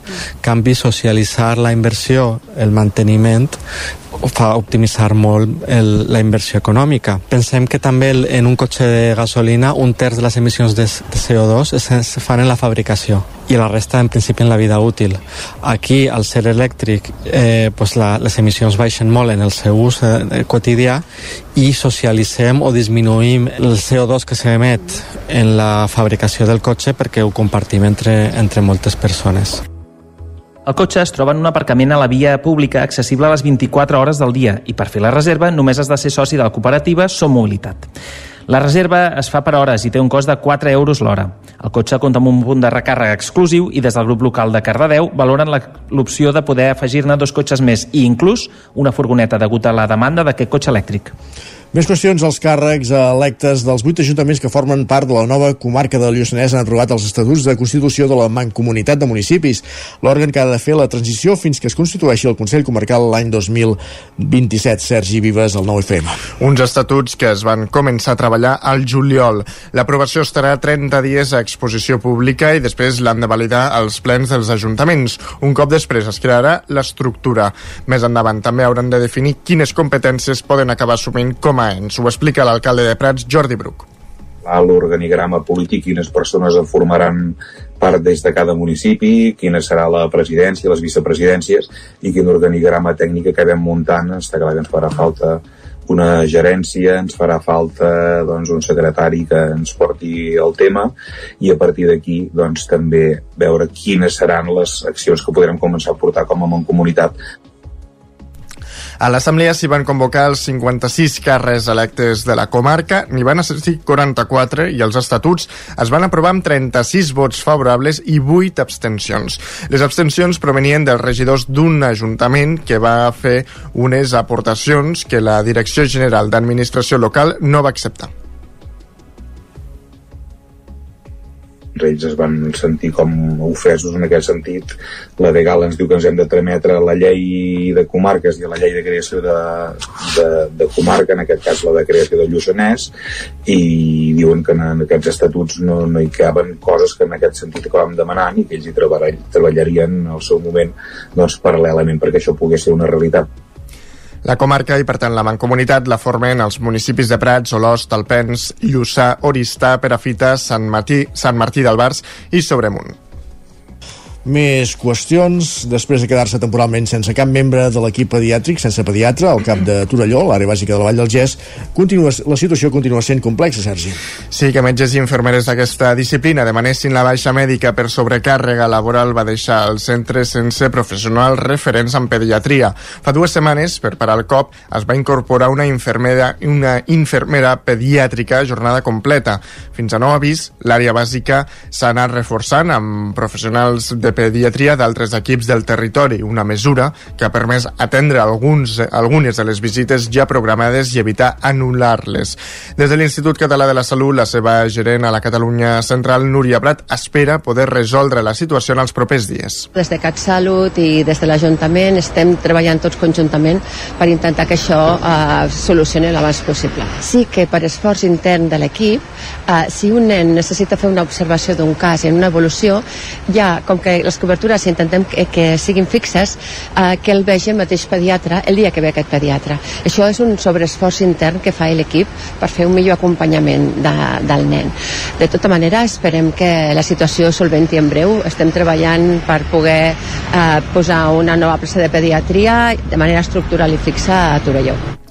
Prat lamenta els contratemps que ha pogut ocasionar aquesta situació, diu, i assegura que des de l'Institut Català de la Salut s'ha treballat perquè l'afectació de cara als pacients hagi estat la mínima. Gràcies, Sergi. Més qüestions a Mollà. El projecte de reforma de Can Comadran veu augmentat en un 25% el cost de l'obra per compensar l'augment dels preus del material de construcció. Roger Rams, Ona Codinenca. Exacte, en el ple municipal celebrat aquest dimecres, Ara Mollà va fer valdre la seva majoria per tirar endavant la modificació del projecte amb el suport del PSC, l'abstenció de la CUP i el vot en contra de Junts. Can Comadran és una antiga fàbrica que s'ha de convertir ara en un espai per a nous equipaments municipals. L'alcalde de Mollà, Dionís Guiteres, explicava els motius de la modificació d'aquest pressupost. Parlant després amb les empreses i això, el motiu per totes era que els, els preus havien quedat una mica desfassats després de tot aquest increment de, de, de pujada de preus que tenen els materials. El projecte es va basar en preus oficials, però bé, hi ha un, hi ha un desfàs. Per tant, el que hem fet ha sigut fer aquesta modificació substancial del text reforç del projecte bàsic i executiu per poder adaptar, no, no fer un canvi de projecte, sinó simplement canviar el, els preus, adaptar els preus aquest projecte va vinculat a una subvenció d'1,4 milions d'euros provinent dels fons europeus Next Generation. Maria Tarter, regidora de Junts, al·legava aquest argument per canviar el seu vot en l'abstenció i oposar-se en aquest projecte.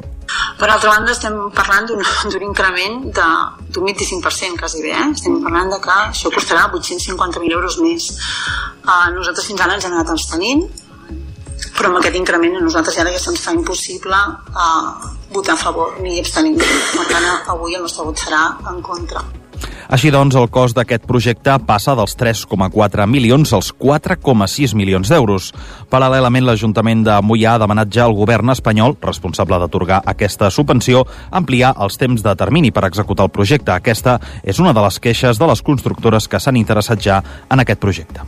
Gràcies, Roger. I l'univers jove a Ripoll reuneix un miler d'alumnes i aglutina una seixantena d'estants. Isaac Muntades, la veu de Sant Joan. L'univers jove de Ripoll, que enguany celebrava celebrava la seva desena edició, va reunir aquest dimarts al matí un miler d'estudiants de quart d'ESO i batxillerat del Ripollès, però també de comarques veïnes com Osona, la Cerdanya o la Garrotja. La Fira d'Orientació Acadèmica per Excel·lència al Ripollès va aglutinar un total de 56 estants, dels quals n'hi havia una desena de la comarca i que incluïen les grans universitats del país i centres de formació professional de fins a set comarques diferents com Osona, la Garrotja, el Vallès o el Pla de l'Estany. Només d'entrar al recinte, a la part central, hi havia ubicat l'espai de dinamització, un escenari on durant tot el matí es feien activitats i demostracions de tota mena com sessions dirigides d'esport. Un dels primers estants que trobaven els estudiants era el de l'Institut Abat Oliva de Ripoll. El centre educatiu amb més alumnes del Ripollès oferia un ampli ventall d'estudis tal com explicava el cap d'estudis de cicle Joan Ximinis un conjunt de, de cicles de grau mitjà que bàsicament corresponen a les famílies d'administració, de cuina i de forneria i d'instal·lacions elèctriques i de manteniment electromecànic. Després també oferim un conjunt d'ensenyaments de, esportius que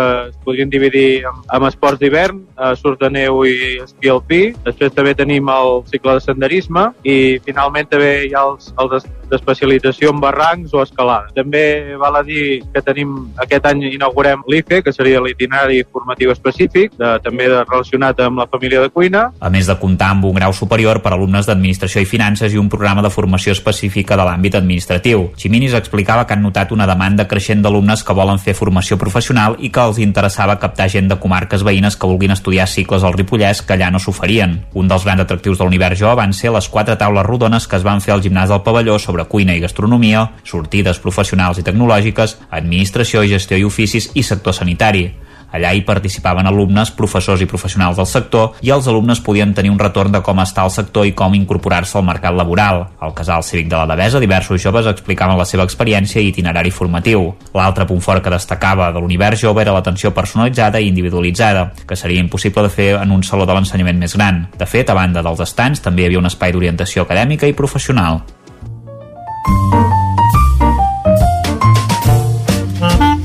Casa Terradellos us ofereix el temps.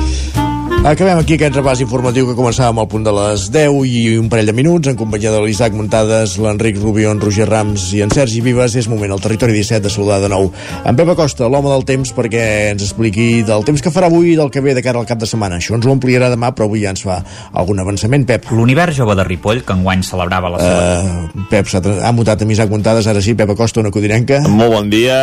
Ara sí. Mica en mica els núvols aniran arribant. Uh, per què? Doncs perquè hi havia un front atlàntic que ens anirà afectant de cara als pròxims dies.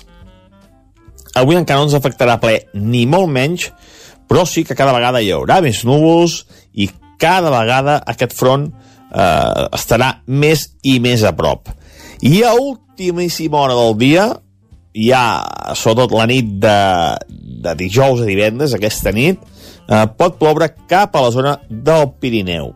Neu a 2.000 metres, aquesta nit tot el que caigui serà molt feble, eh? Aquest, si és que arriba a caure el condicional de davant, si és que arriba a caure, serà de manera bastant, bastant feble. Les temperatures ara ja són molt altes i de cara a migdia encara pujarà més. Per què? Perquè aquest vent de sud es reforçarà, aquest vent prefrontal es reforçarà i farà disparar temperatures màximes superiors als 20 graus a la majoria de poblacions, arribant als 21, 22 o 23 fins i tot, eh? per tant unes temperatures eh, molt més altes del normal degut a aquests front, aquest, aquest vent prefrontal de sud que tindrem avui i que a la tarda que ven encara es reforçarà més. Els pròxims dies la temperatura per fi baixarà, entrarà vent de nord i farà que la temperatura baixi, eh, poca pluja, poca neu i quedarem ben, ben ventats els pròxims dies. Però demà ja diré tota la informació. Moltes gràcies, adeu. Gràcies a tu, Pep. Parlem demà i ens amplies tota aquesta informació de cara al cap de setmana. Casa Tarradellas us ha ofert aquest espai. Mig minut i serà un quart d'onze del matí al Territori 17. Ens endinsem a la cuina.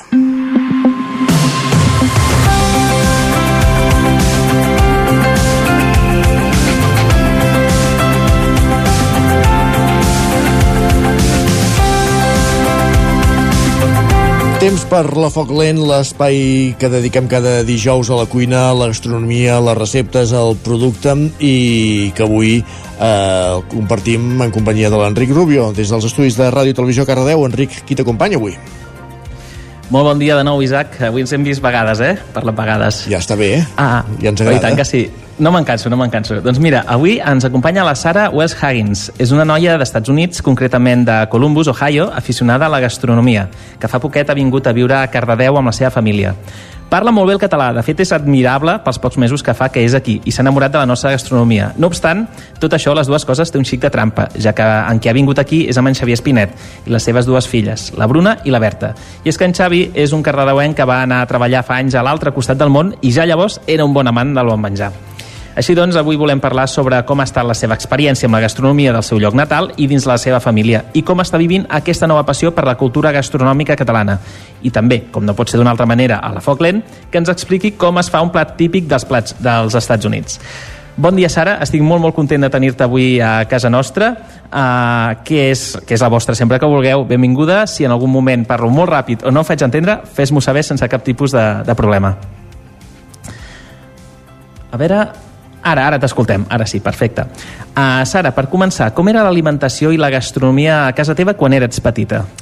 Sí, bona pregunta. Mira, els meus pares eren, bueno, estan bastants progres i jo en, en els anys 90 jo recordo com menjava sempre coses molt sanes, no? Arròs marró, um, molt pollastre, molts verdures, um, uh, inclús jo, jo recordo recordo que anàvem molts estius a un granja local que teníem per con conèixer els, gran, els grangers i, i tot. Um, així que molt, molt sant, um, però era una dieta... No era mediterrani, perquè no bevíem, clar, um, aquí. Era més com estil americano, molts casseroles, dèiem, que és com una mescla de fideus, formatge, tot gratinat en l'horno, um, però bastant, bastant sant, um, sí, saludable, diria. Pregunta, pregunta obligada i gairebé retòrica. Sara, has trobat molta diferència entre la gastronomia dels Estats Units i la catalana? Bueno, clar, però el meu país és, és molt gran, saps? I jo estat pensant que hi ha tants, molts tipus de, de, de menjar allà, no? Perquè és un, és un país molt, molt gran i en cada zona té plats típics d'allà, um, però sí que, clar, hi ha, molt moltes diferències entre la cuina d'allà i, i aquí. Um, per, bueno, per exemple, els espàrrecs blancs, jo mai en la meva vida he vist espàrrecs blancs abans de, de venir aquí amb el Xavi. Um, sí, sí que teníem espàrrecs verds, bueno, per mi els verds són sí, els sí, normals, però els blancs um, jo crec que, crec que bueno, aquí a, a l'oli, no?, que utilitzo el meu, molt més l'oli um, que nosaltres i bueno, hi ha bueno, una llista enorme no, de, de coses diferents però jo, jo crec que no tant bueno, la, la, la, la comida, però també com la manera de, de menjar i estar relacionat amb la família i com tota la cultura no? de sobretaula i de com les, els dinars són com dos, tres hores. S'allarguen fins llarguen, a sopar. Llarguen, i, i també com això de, de tenir com sempre dues plats, no? Com mm, el primer plat, el, el segon plat, el postre, no, els americans sempre mm, menjàvem, menjàvem les coses tots juntes, no? Com l'amanida amb el, el pasta i la verdura i el carn en la misma plat. No és com aquí que sempre, mira, primer els primers plats, recollim tot això, tot, i després venen les, les segones plats i després el postre. És tot un, tot un protocol. Sí. Què és el que més eh, t'ha xocat? Em parlaves ara abans d'entrar de, a micros eh, dels dinars escolars, que aquí hi ha un Mm. canvi abismal, no? És... Sí, no, i com jo deia abans que, que és un tema, si mires en Instagram o TikTok, tots els mares americanes influencers sempre parla, parlen d'així, no? Que com, com flipem de, de que, menja, que mengen nostres fills i filles a, a l'escola. Per exemple, Hoy la Bruna jo, jo, m'he- jo he mirat i va menjar el primer plat espaguetis amb beixamel de coliflor i, i de segona maires fresques amb, amb la silo d'andalusa, um, amb amanida i després, clar, postre fruita de temps. I ja jo recordo com quan jo estava a l'institut jo, sempre, bueno, jo molts dies jo portava tupper de, de casa amb sobres, però molts amics meus al, al dinar bueno, um, tenim um, 20, min, um, 20 minuts a les 11 i mig per al dinar Wow. i era com un trosset de pizza o solo patates fregits per al menjar Wow. um, o, o com a nena um, era com un entrepà de, de crema de, de cacauets un tros de fruita i un gotellet i, i, i ja està que aquí eh, això seria com el berenar, no? O el Exacte, segon, sí, sí. El, o el segon, és, O el és, segon és, com esmorzar. jo, jo, jo, jo poso això per el segon esmorzar de la Bruna. I tant, és, és, és, és xocant, eh? realment veure les diferències de- de les- d'aquestes dues cultures. Doncs, um, pensem que tot està globalitzat, però, però hi ha menjars típics dels Estats Units, encara que als Estats Units arribi realment a tot el món, um, i hi ha alguns menjars d'allà que no es troben aquí. Quins serien, per exemple? Bueno, allí eh, en els Estats Units tenim molt immigració del, del Amèrica del Sur no? i Amèrica Central. Um, me, bueno, eh, sobretot els mexicans, no? I en cada poble, cada ciutat, cada barri en, encontraries um, uh, menjar mexic, mexicà, mexicana, no? Diríem, i és, eh, això és que jo, jo falto el, els tacos, no? Com tacos, sí, el, els tacos o el menjar me mexican. Um, abans de, de venir aquí vivíem en Washington, no? Al Capitol dels Estats Units. Sí. I allí, clar, eh, és una ciutat molt internacional amb totes les ambaixades i tot. Um, però jo, jo diria que la cuina mexicana és la cosa que em falta trobar aquí. Aquí, i, i que en sí- Barcelona sí que hi ha, però clar, no és tan comú en cada poble aquí que hi és. I costa trobar-la de debò, perquè també Mm. es diuen molts restaurants a molts llocs i realment moltes vegades... No, sí que, que, que pots en, en, en, encontrar tacos, ¿no? Pero es, es, dif- es diferente, ¿no? Es como un, un plat, ¿no? En un, en un menú. I restaurants, pura curiositat, eh? Restaurants catalans, allà trobàveu alguna cosa o hi havia alguna cosa... Uy, restaurants catalans, no. O cuina hay- mediterrània, No, hay, hay com- molt mediterrani, mediterrani, no? Como... Mm, uh, mira, bueno, en, en la meva ciutat sí que és veritat que hi ha un restaurant que es diu Barcelona. Ep. però és, és menjar mediterrani en general. um, sí, és más, no és com català, català. Pots encontrar plats catalans, però no restaurant.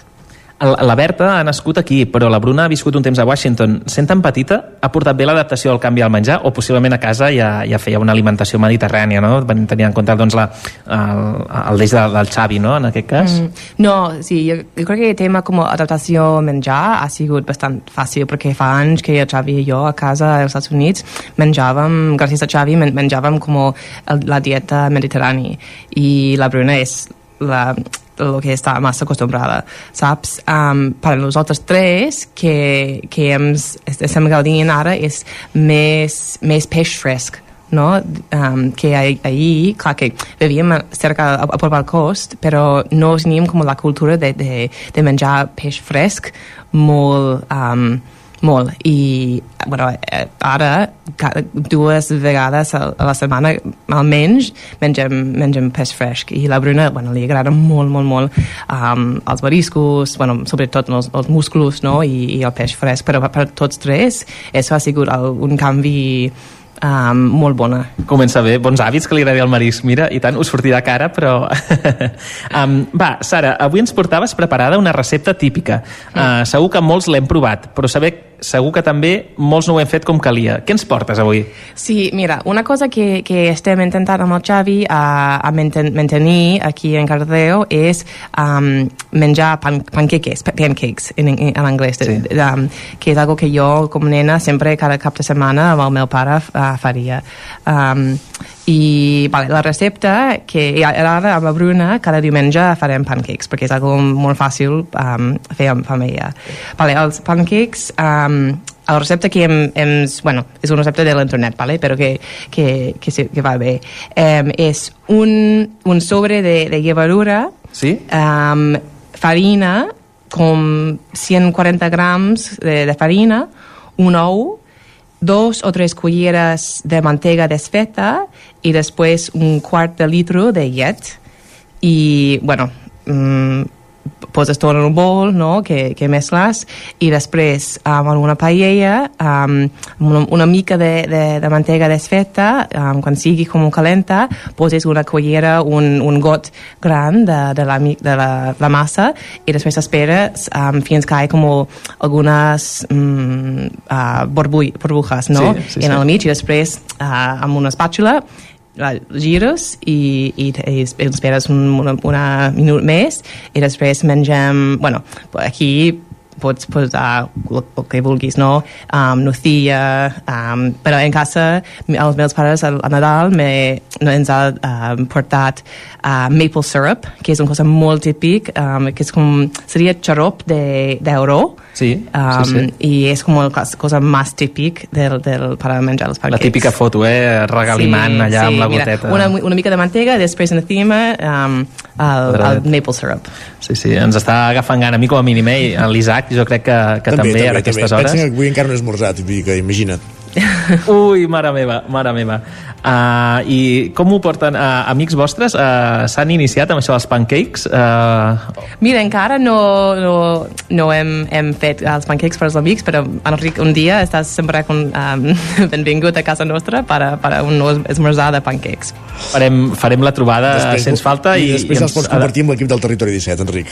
Això està segur, això està segur. Segur que us arrosseu cap aquí. Tenies algun dubte? Potser alguna pregunta per acabar, Isaac? Uh, no, molt interessant també conèixer la, la gastronomia americana en aquest cas i avui ha estat bé, ha estat bé avui fer aquesta incursió avui a, a la Foc Lent amb la, I permet-me sí, un petit apunt de remarcar la, la, el que sempre diem, no? l'adaptació a l'idioma, que la Sara fa molt poc que està aquí i crec que parla un català excel·lent, millor que el meu avi que portava 80 anys aquí i encara no deia ni hola en català, no? I això que es diu igual. Exacte. Doncs moltíssimes gràcies, Enric, moltíssimes gràcies, Sara, per acompanyar-nos aquest matí i fer-nos, com dèiem, aquesta incursió a la cuina nord-americana. Fins la propera. A vosaltres. Gràcies, Sara. Gràcies, Enric, també. Parlem d'aquí una estoneta, o ja no parlem més avui, de fet, però gràcies Avui per acompanyar-nos un matí més eh, i ens retrobem demà. Fins demà. Fins demà. I nosaltres que avancem aquí al territori 17, eh, deixem enrere la cuina, però tot seguit serà el torn per les piolades i el cinema, amb en Joan Garcia i en Gerard Fosses des de la veu de Sant Joan, i ara el que fem però abans és una petita pausa per la publicitat. Fins ara mateix. El nou FM, la ràdio de casa, al 92.8. La qualitat de les teves impressions és important per tu? Estàs cansat que els colors i les imatges no surtin com t'esperes? A Impremta Mater disposem de la tecnologia més avançada i els millors professionals per aconseguir impressions d'alta qualitat. Fem tota classe d'impresos amb acabats professionals. Llibres, catàlegs, revistes, tesis, calendaris, enquadernacions... I a més, disposem del servei d'impressió digital en gran format. Roll-ups, lones, pòsters i molt més. Impremta Mater. Ens trobaràs a la carretera de Sant Hipòlit 23 de Vic o impremtamater.com. Cocodril Club.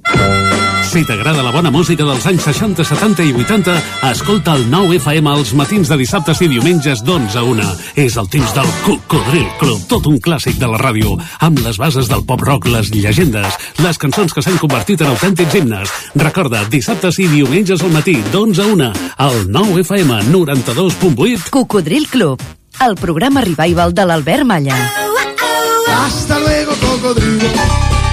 L'infopodcast del 9-9 amb Sílvia Pedret. Cada dia et donem les claus de les notícies més rellevants de casa nostra. Vivim en una comarca que s'està demostrant pionera en transició. Desperta't cada dia amb l'infopodcast del 9-9. Aquesta setmana tornen a ser notícia els pantans perquè han baixat... El trobaràs a dos quarts de vuit del matí al 99.cat, Spotify, iVox i, si ho vols, te l'enviem directament al mòbil.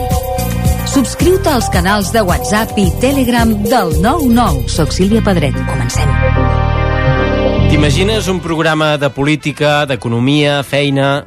Doncs ja te'n pots oblidar. Quin tinglado! Un programa d'entreteniment, actualitat, cultura i molt rigorós. Amb Bada Serrat, Miquel Giol i Eudal Puig. Un programa que no passarà a la història i que tampoc guanyarà cap ondes. No ens flipem. Escolta'l cada dijous en directe de 8 a 9 del vespre al 9 FM. Ai, ai, ai, quin tinglado! Territori 17. El nou FM Sergi. Som l'espai comunicatiu format per les comarques d'Osona, el Lluçanès, el Moianès, el Ripollès i el Vallès Oriental. Enric Rubio, Ràdio Televisió, Cardedeu. Bon dia al grup. Cada matí, de 9 a 11, al 9 Roger FM. Zona codinenca. Defensa de la sanitat pública. L'actualitat de les nostres comarques i tot el has de saber abans de sortir de casa. Isaac Muntades, la veu de Sant Joan. de setmana, Sant Joan. Cada matí, Territori del temps. 17. Avui contents. Anuncia't al 9FM. La màquina de casa. 9 3 8 8 9 4 9 4 9. Publicitat arroba al 9FM.cat. Anuncia't al 9FM. La publicitat més eficaç. El 9 FM, el 9 FM, el 9 FM, el 9 FM. En punt dos quarts d'onze, al territori 17, ens capbussem a Twitter.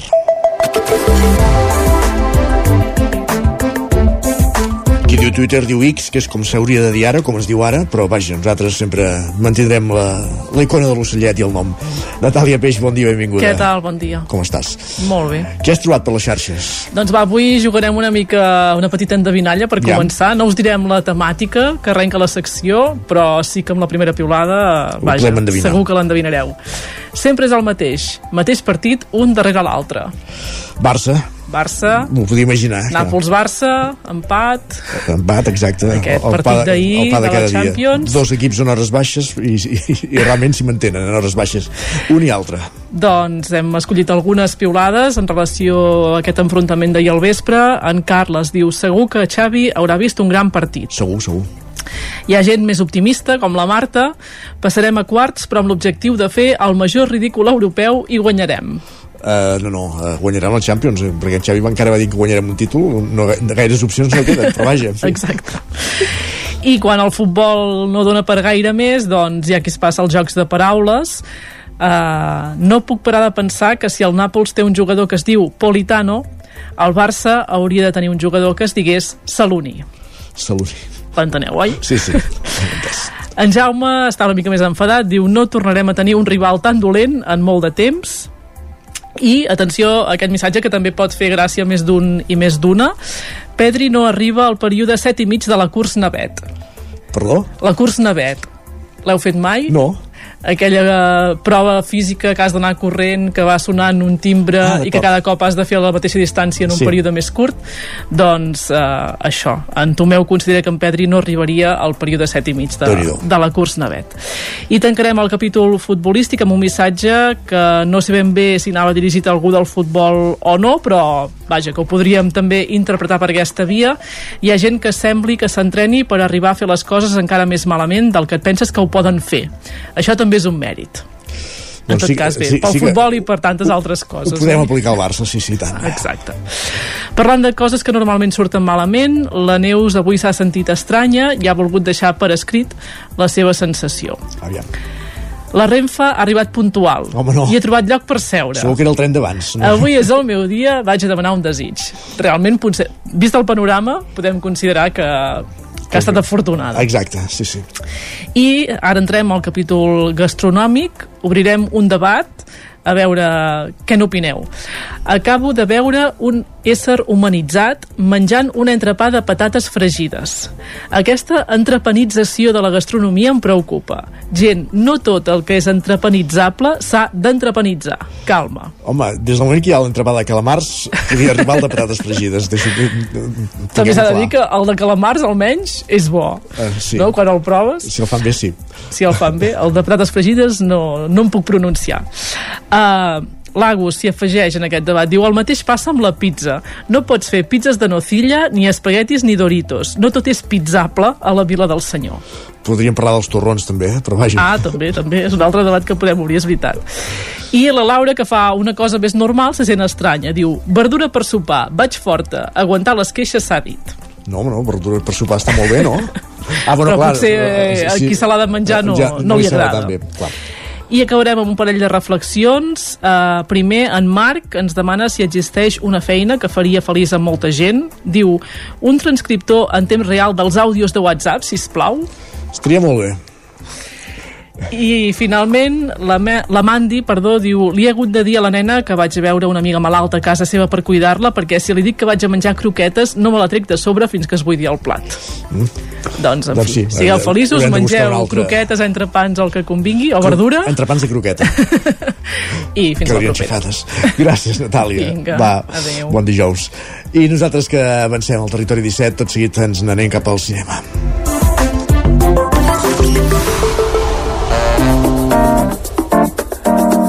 Territori 17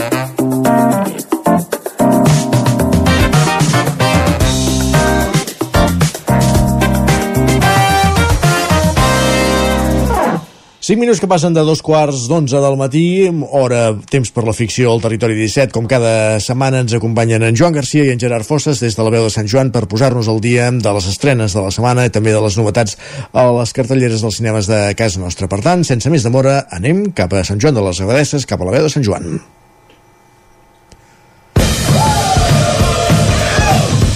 I una setmana més amb aquesta música, moment de donar la benvinguda a en Gerard Fosses. Hola, Gerard.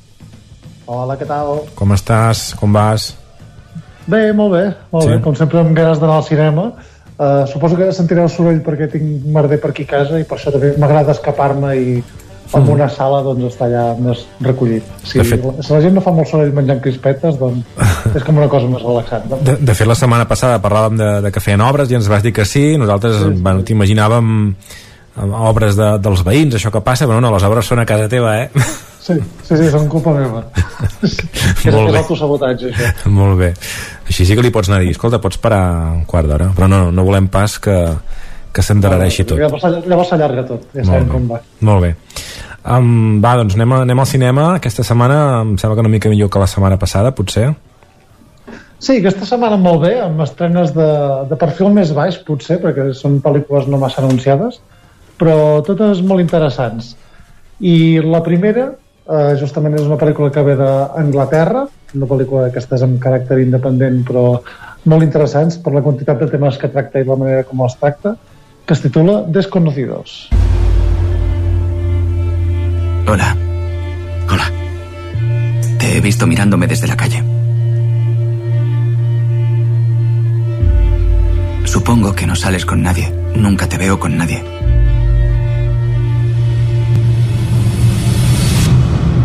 ¿Son tus padres? Sí. Murieron antes de que cumpliese 12 años. Estoy intentando escribir sobre ellos. ¿Y qué tal va? Es raro. Hola.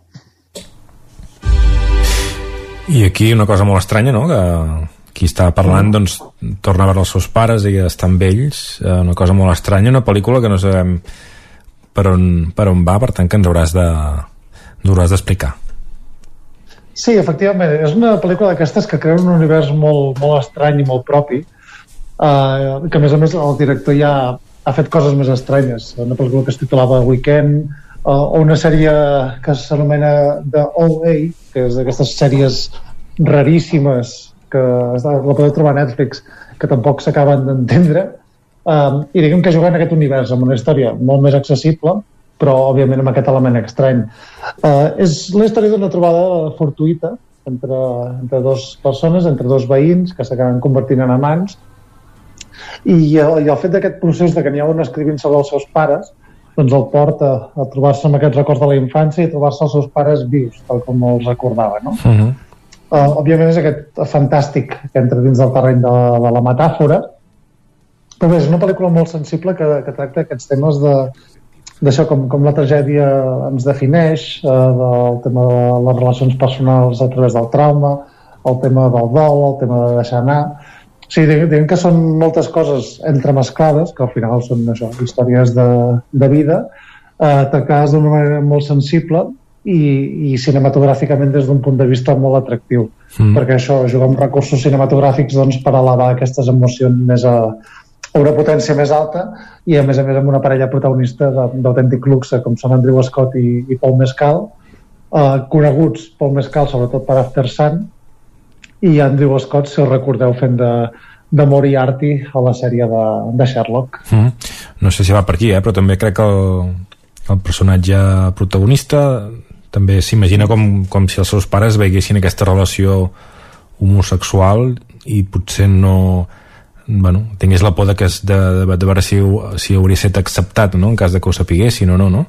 perquè hi ha hagut alguna... Sí, exacte. Sí, funciona tota aquesta definició de, de la identitat d'una persona que ha viscut la major part de la seva vida sense els seus pares doncs intenta doncs, reconciliar-se amb aquesta part de la seva vida a l'hora que intenta avançar. Vull dir que al final és això, un drama molt humà i la pel·lícula essencialment és un drama però amb aquest punt de fantàstic doncs, que li dona aquest atractiu afegit.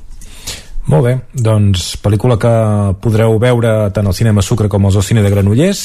Anem a per la següent. Anem a per la següent, que és una pel·lícula també molt interessant i també curiosa, perquè també és una pel·lícula que és d'un tipus, però que sembla d'un altre. En aquest cas semblaria un telefilm d'Antena 3, però que en mans d'un director com Todd Haynes es converteix en una pel·lícula la mar d'interessant sobre les relacions també, que es titula Secretos de un escándalo. Buscar un personaje que sea difícil de entender. ¿Por qué es así? ¿Nació así o se hizo así? Creía que eras más alta. Lo pareces en la tele, pero somos casi iguales. Gracias por hacer esto. Me conviene que cuentes bien la historia. Son encantadores. Llevamos casados casi 24 años. Me cuesta creer que vayas a representar las cosas tal y como fueron. ¿Cómo era posible que una mujer de 36 años tuviera una aventura con uno de 13?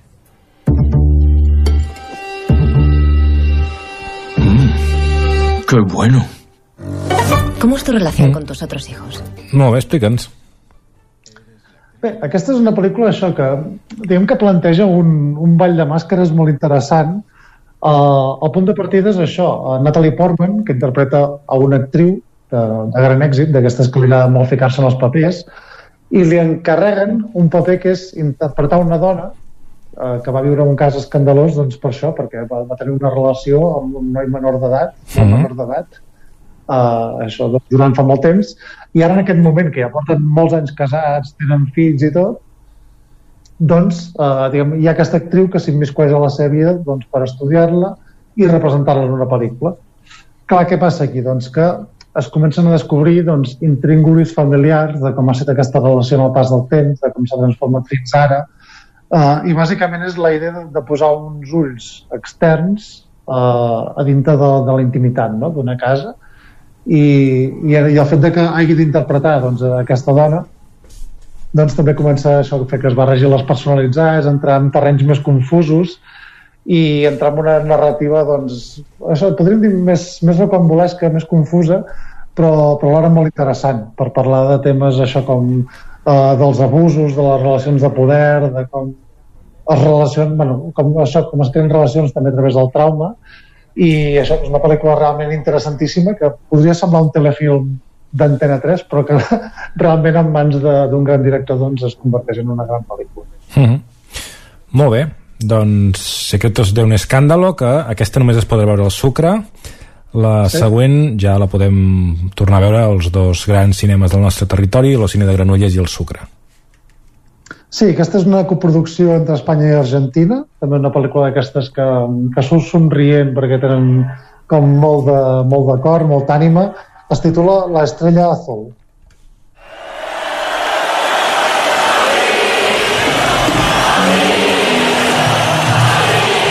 Primero, la pregunta obligada.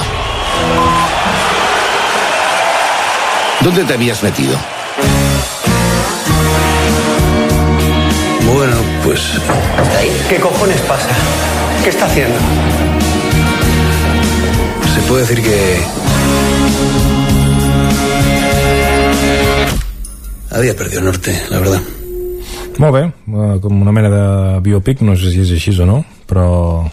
No, aquesta és una història de ficció uh, mm -hmm. que ens transporta als anys 90 a Argentina i diguem, és una pel·lícula una mica amb vibracions o tonalitats de Searching for Sugar Man um, en aquest cas dintre el terreny de la ficció uh, estem davant d'un músic espanyol de gran èxit que mm, per, per temes d'addicció i tal ha abandonat una mica la seva carrera i doncs es dedica a viatjar per l'Argentina. I allà coneix uh, a un dels que dels, un dels músics més populars i més importants d'allà Argentina també però que viu com el, completament al marge gairebé com si fos un, un vagabund Mm -hmm. i a partir de la relació que es dibuixa entre ells que és una història així una mica quixotesca uh, una mica a l'estiu també d'una història verdadera no? d'aquestes trobades i, i aquest viatge comú uh, doncs bé, és una, una reflexió sobre uh, les decisions que prenem i en què ens convertim uh, al final estem davant d'un músic que el fet de tenir èxit doncs, l'ha portat una mica al desastre personal i un altre que per uns motius o altres doncs, va decidir que no volia ser famós i es volia apartar dels focus Mm -hmm. uh, i això, a través d'aquestes dues personalitats oposades però amb la mateixa passió doncs es dibuixa això una història molt, molt entranyable que, que d'aquelles, com deia al principi, doncs eh, et fan sortir del cinema amb un somriure. Mm. El Karate Kid i el musical, alguna... alguns l'han l'han descrit així. Ba- Bastant encertat, també, sí, sí. Bueno, sense, el, sense patada voladora, però, però sí, podria anar amb un punt d'aquest de, de mentó. Molt bé. Em sembla que és la tercera o quarta setmana seguida que, que acabem sí. o que continuem parlant de, de festivals i de premis. Sí, en, en aquest cas estem en, en palmaresos de premis i, i perquè ja saps que m'agrada anar donant pistes per quin hi ha les dels Oscars i aquest cap de setmana es van entregar els premis BAFTA, que són els premis que dona la- l'Acadèmia Britànica i els quals bàsicament confirmen aquest favoritisme per Oppenheimer de Christopher Nolan, que va tornar a guanyar pel·lícula i direcció.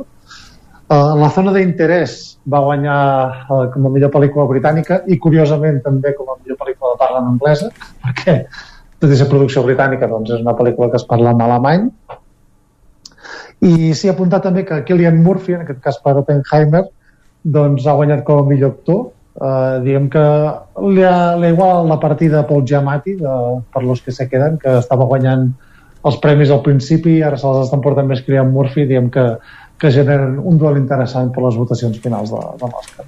Uh -huh. Molt bé. I ara, si et sembla, fer un repàs de la, de la cartellera de la resta de cinemes. El cinema Comtal de Ripoll esta setmana ve, ve carregat. Sala de professores, Pobres criatures i Doraemon, o el nuevo dinosaurio de Novita. Sí, exacte, la de Sala de Professors, que és a dintre del marc de, del Cine Clopàric, eh, és aquesta pel·lícula alemanya, aquest thriller que passa a les aules, amb, amb el protagonista que és un nen cleptòman i una professora que està com atrapada enmig de, del sistema, la imprescindible Pobres Criatures i, i per tots els públics doncs, l'última pel·lícula de Doraemon. Molt bé. El casal Camprodoní, zona d'interès. Justament la pel·lícula que ha guanyat aquest BAFTA, una tam- també de les favorites a, a l'Oscar per emportar-se algun premi i una bona ocasió doncs, per veure al nostre territori. Seguim al cinema Catalunya de Ribes hi haurà un, uh, un acte em que organitzat per, per Òmnium on es passaran diversos curtmetratges en català entenc, eh? Sí, això és un, un cicle que, que fa Òmnium, que, que agafa diferents curtmetratges eh, produïts i parlats en català i corren per diferents cinemes de diferents localitats i fins i tot sales que no estan habilitades com a cinema però que porten aquest tipus de produccions. I en aquest cas, doncs, els amics de, del cinema de Ribes doncs, aposten també per aquests continguts a les quals es podran veure entre 4 i 5 curtmetratges amb una sessió d'una hora i mitja aproximadament. A l'Esbarjo de Cardedeu, Anatomia de, de una caïda i El gat Tavi.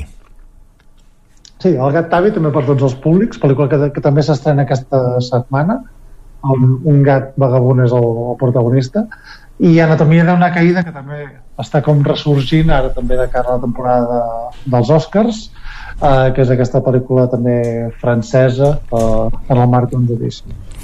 El cinema L'Ambra de la Garriga continuen amb la seva aposta per tenir més pel·lícules que habitants en cartellera.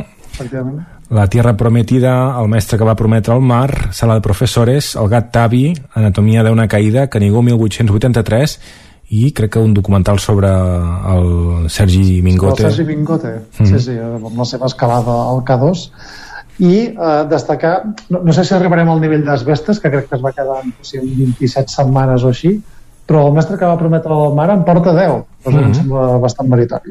Uh -huh. uh, L'Alter de Torelló, Upon Entry, Sí, és la mateixa pel·lícula que fan al Casal de Gràcia de Manlleu, que com sempre programen l'últim diumenge de mes, i és aquest thriller de, de duanes eh, molt, molt trepidant doncs, que es podrà veure ara tant a Torelló com, com a Manlleu. i el Cineclub de Vic, tres propostes ben diferents. Sí.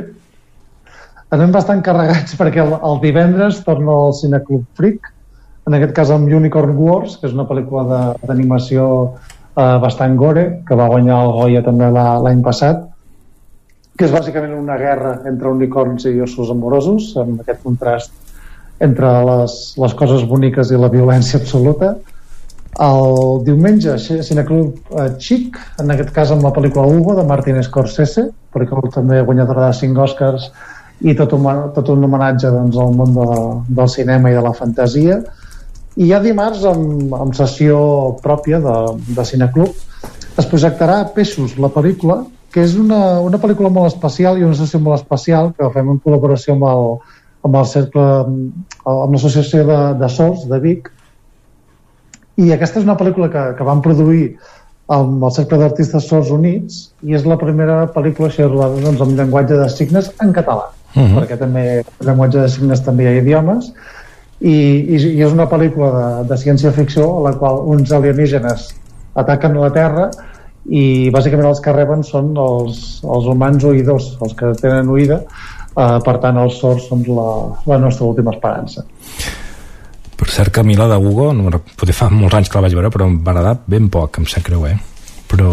Ah, doncs a mi em va agradar moltíssim. Sí, sí. és una pel·lícula que no, no m'agrada especialment però crec que donar-li aquesta mirada també per públic infantil doncs, eh, pot, pot tenir el seu potencial. És una pel·lícula que val la pena doncs uh, si tu m'ho dius la tornaré a mirar amb bons ulls. Endavant, doncs ja saps, diumenge a les 5 a, l'EDC. Molt bé, doncs moltes gràcies, que vagi molt bé. Vinga, moltes gràcies. Adéu-siau. Territori 17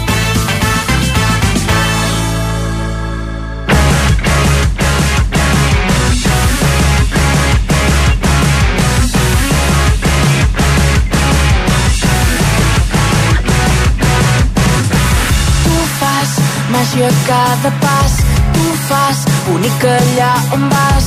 Tu fas el camí pla i les curves que siguin com rectes, que siguin tobogans.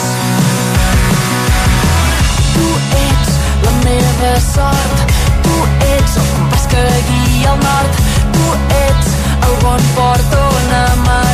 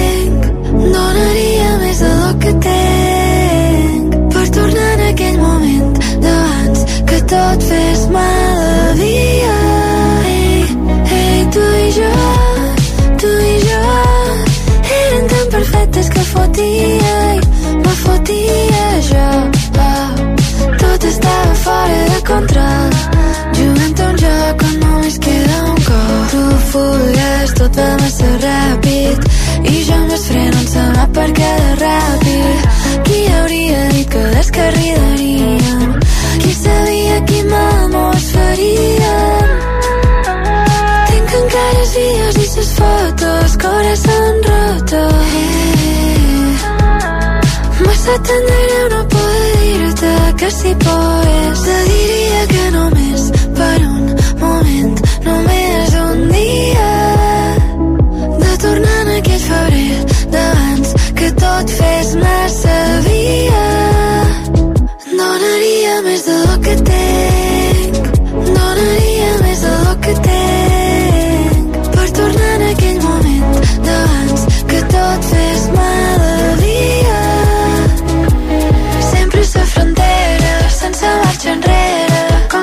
de xoc que s'enganxen per darrere. Tot tan previsible com era impossible. Si tot funcionava perquè em varen voler més? Sempre sa frontera sense marxa enrere. Com cotxes de xoc que s'enganxen per darrere. Tot tan previsible com era impossible eh, perquè em varen voler més més, més. Tinc encara els vídeos i ses fotos corazón roto. Massa t'endareu no poder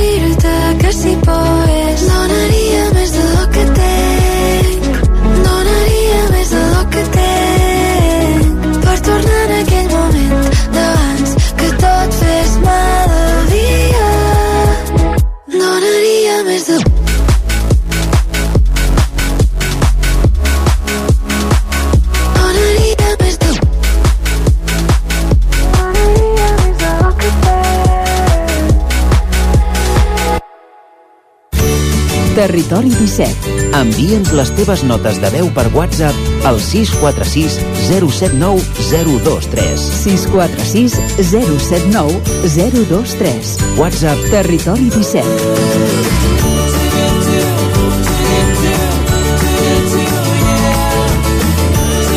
Territori 17.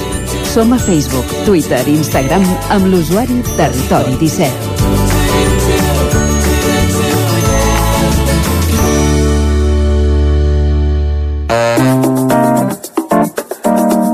Territori 17.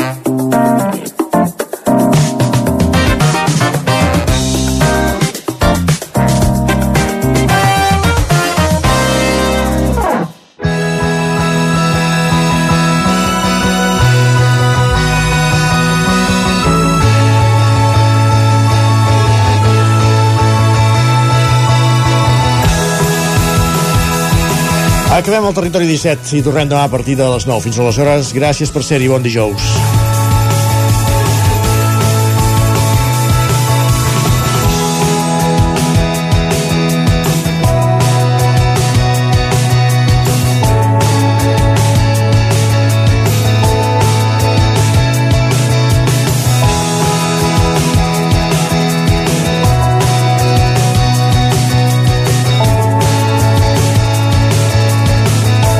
Territori 17, un magazín del nou FM, Ona Codinenca, Ràdio Cardedeu, Ràdio Vic i La Veu de Sant Joan, amb el suport de la xarxa.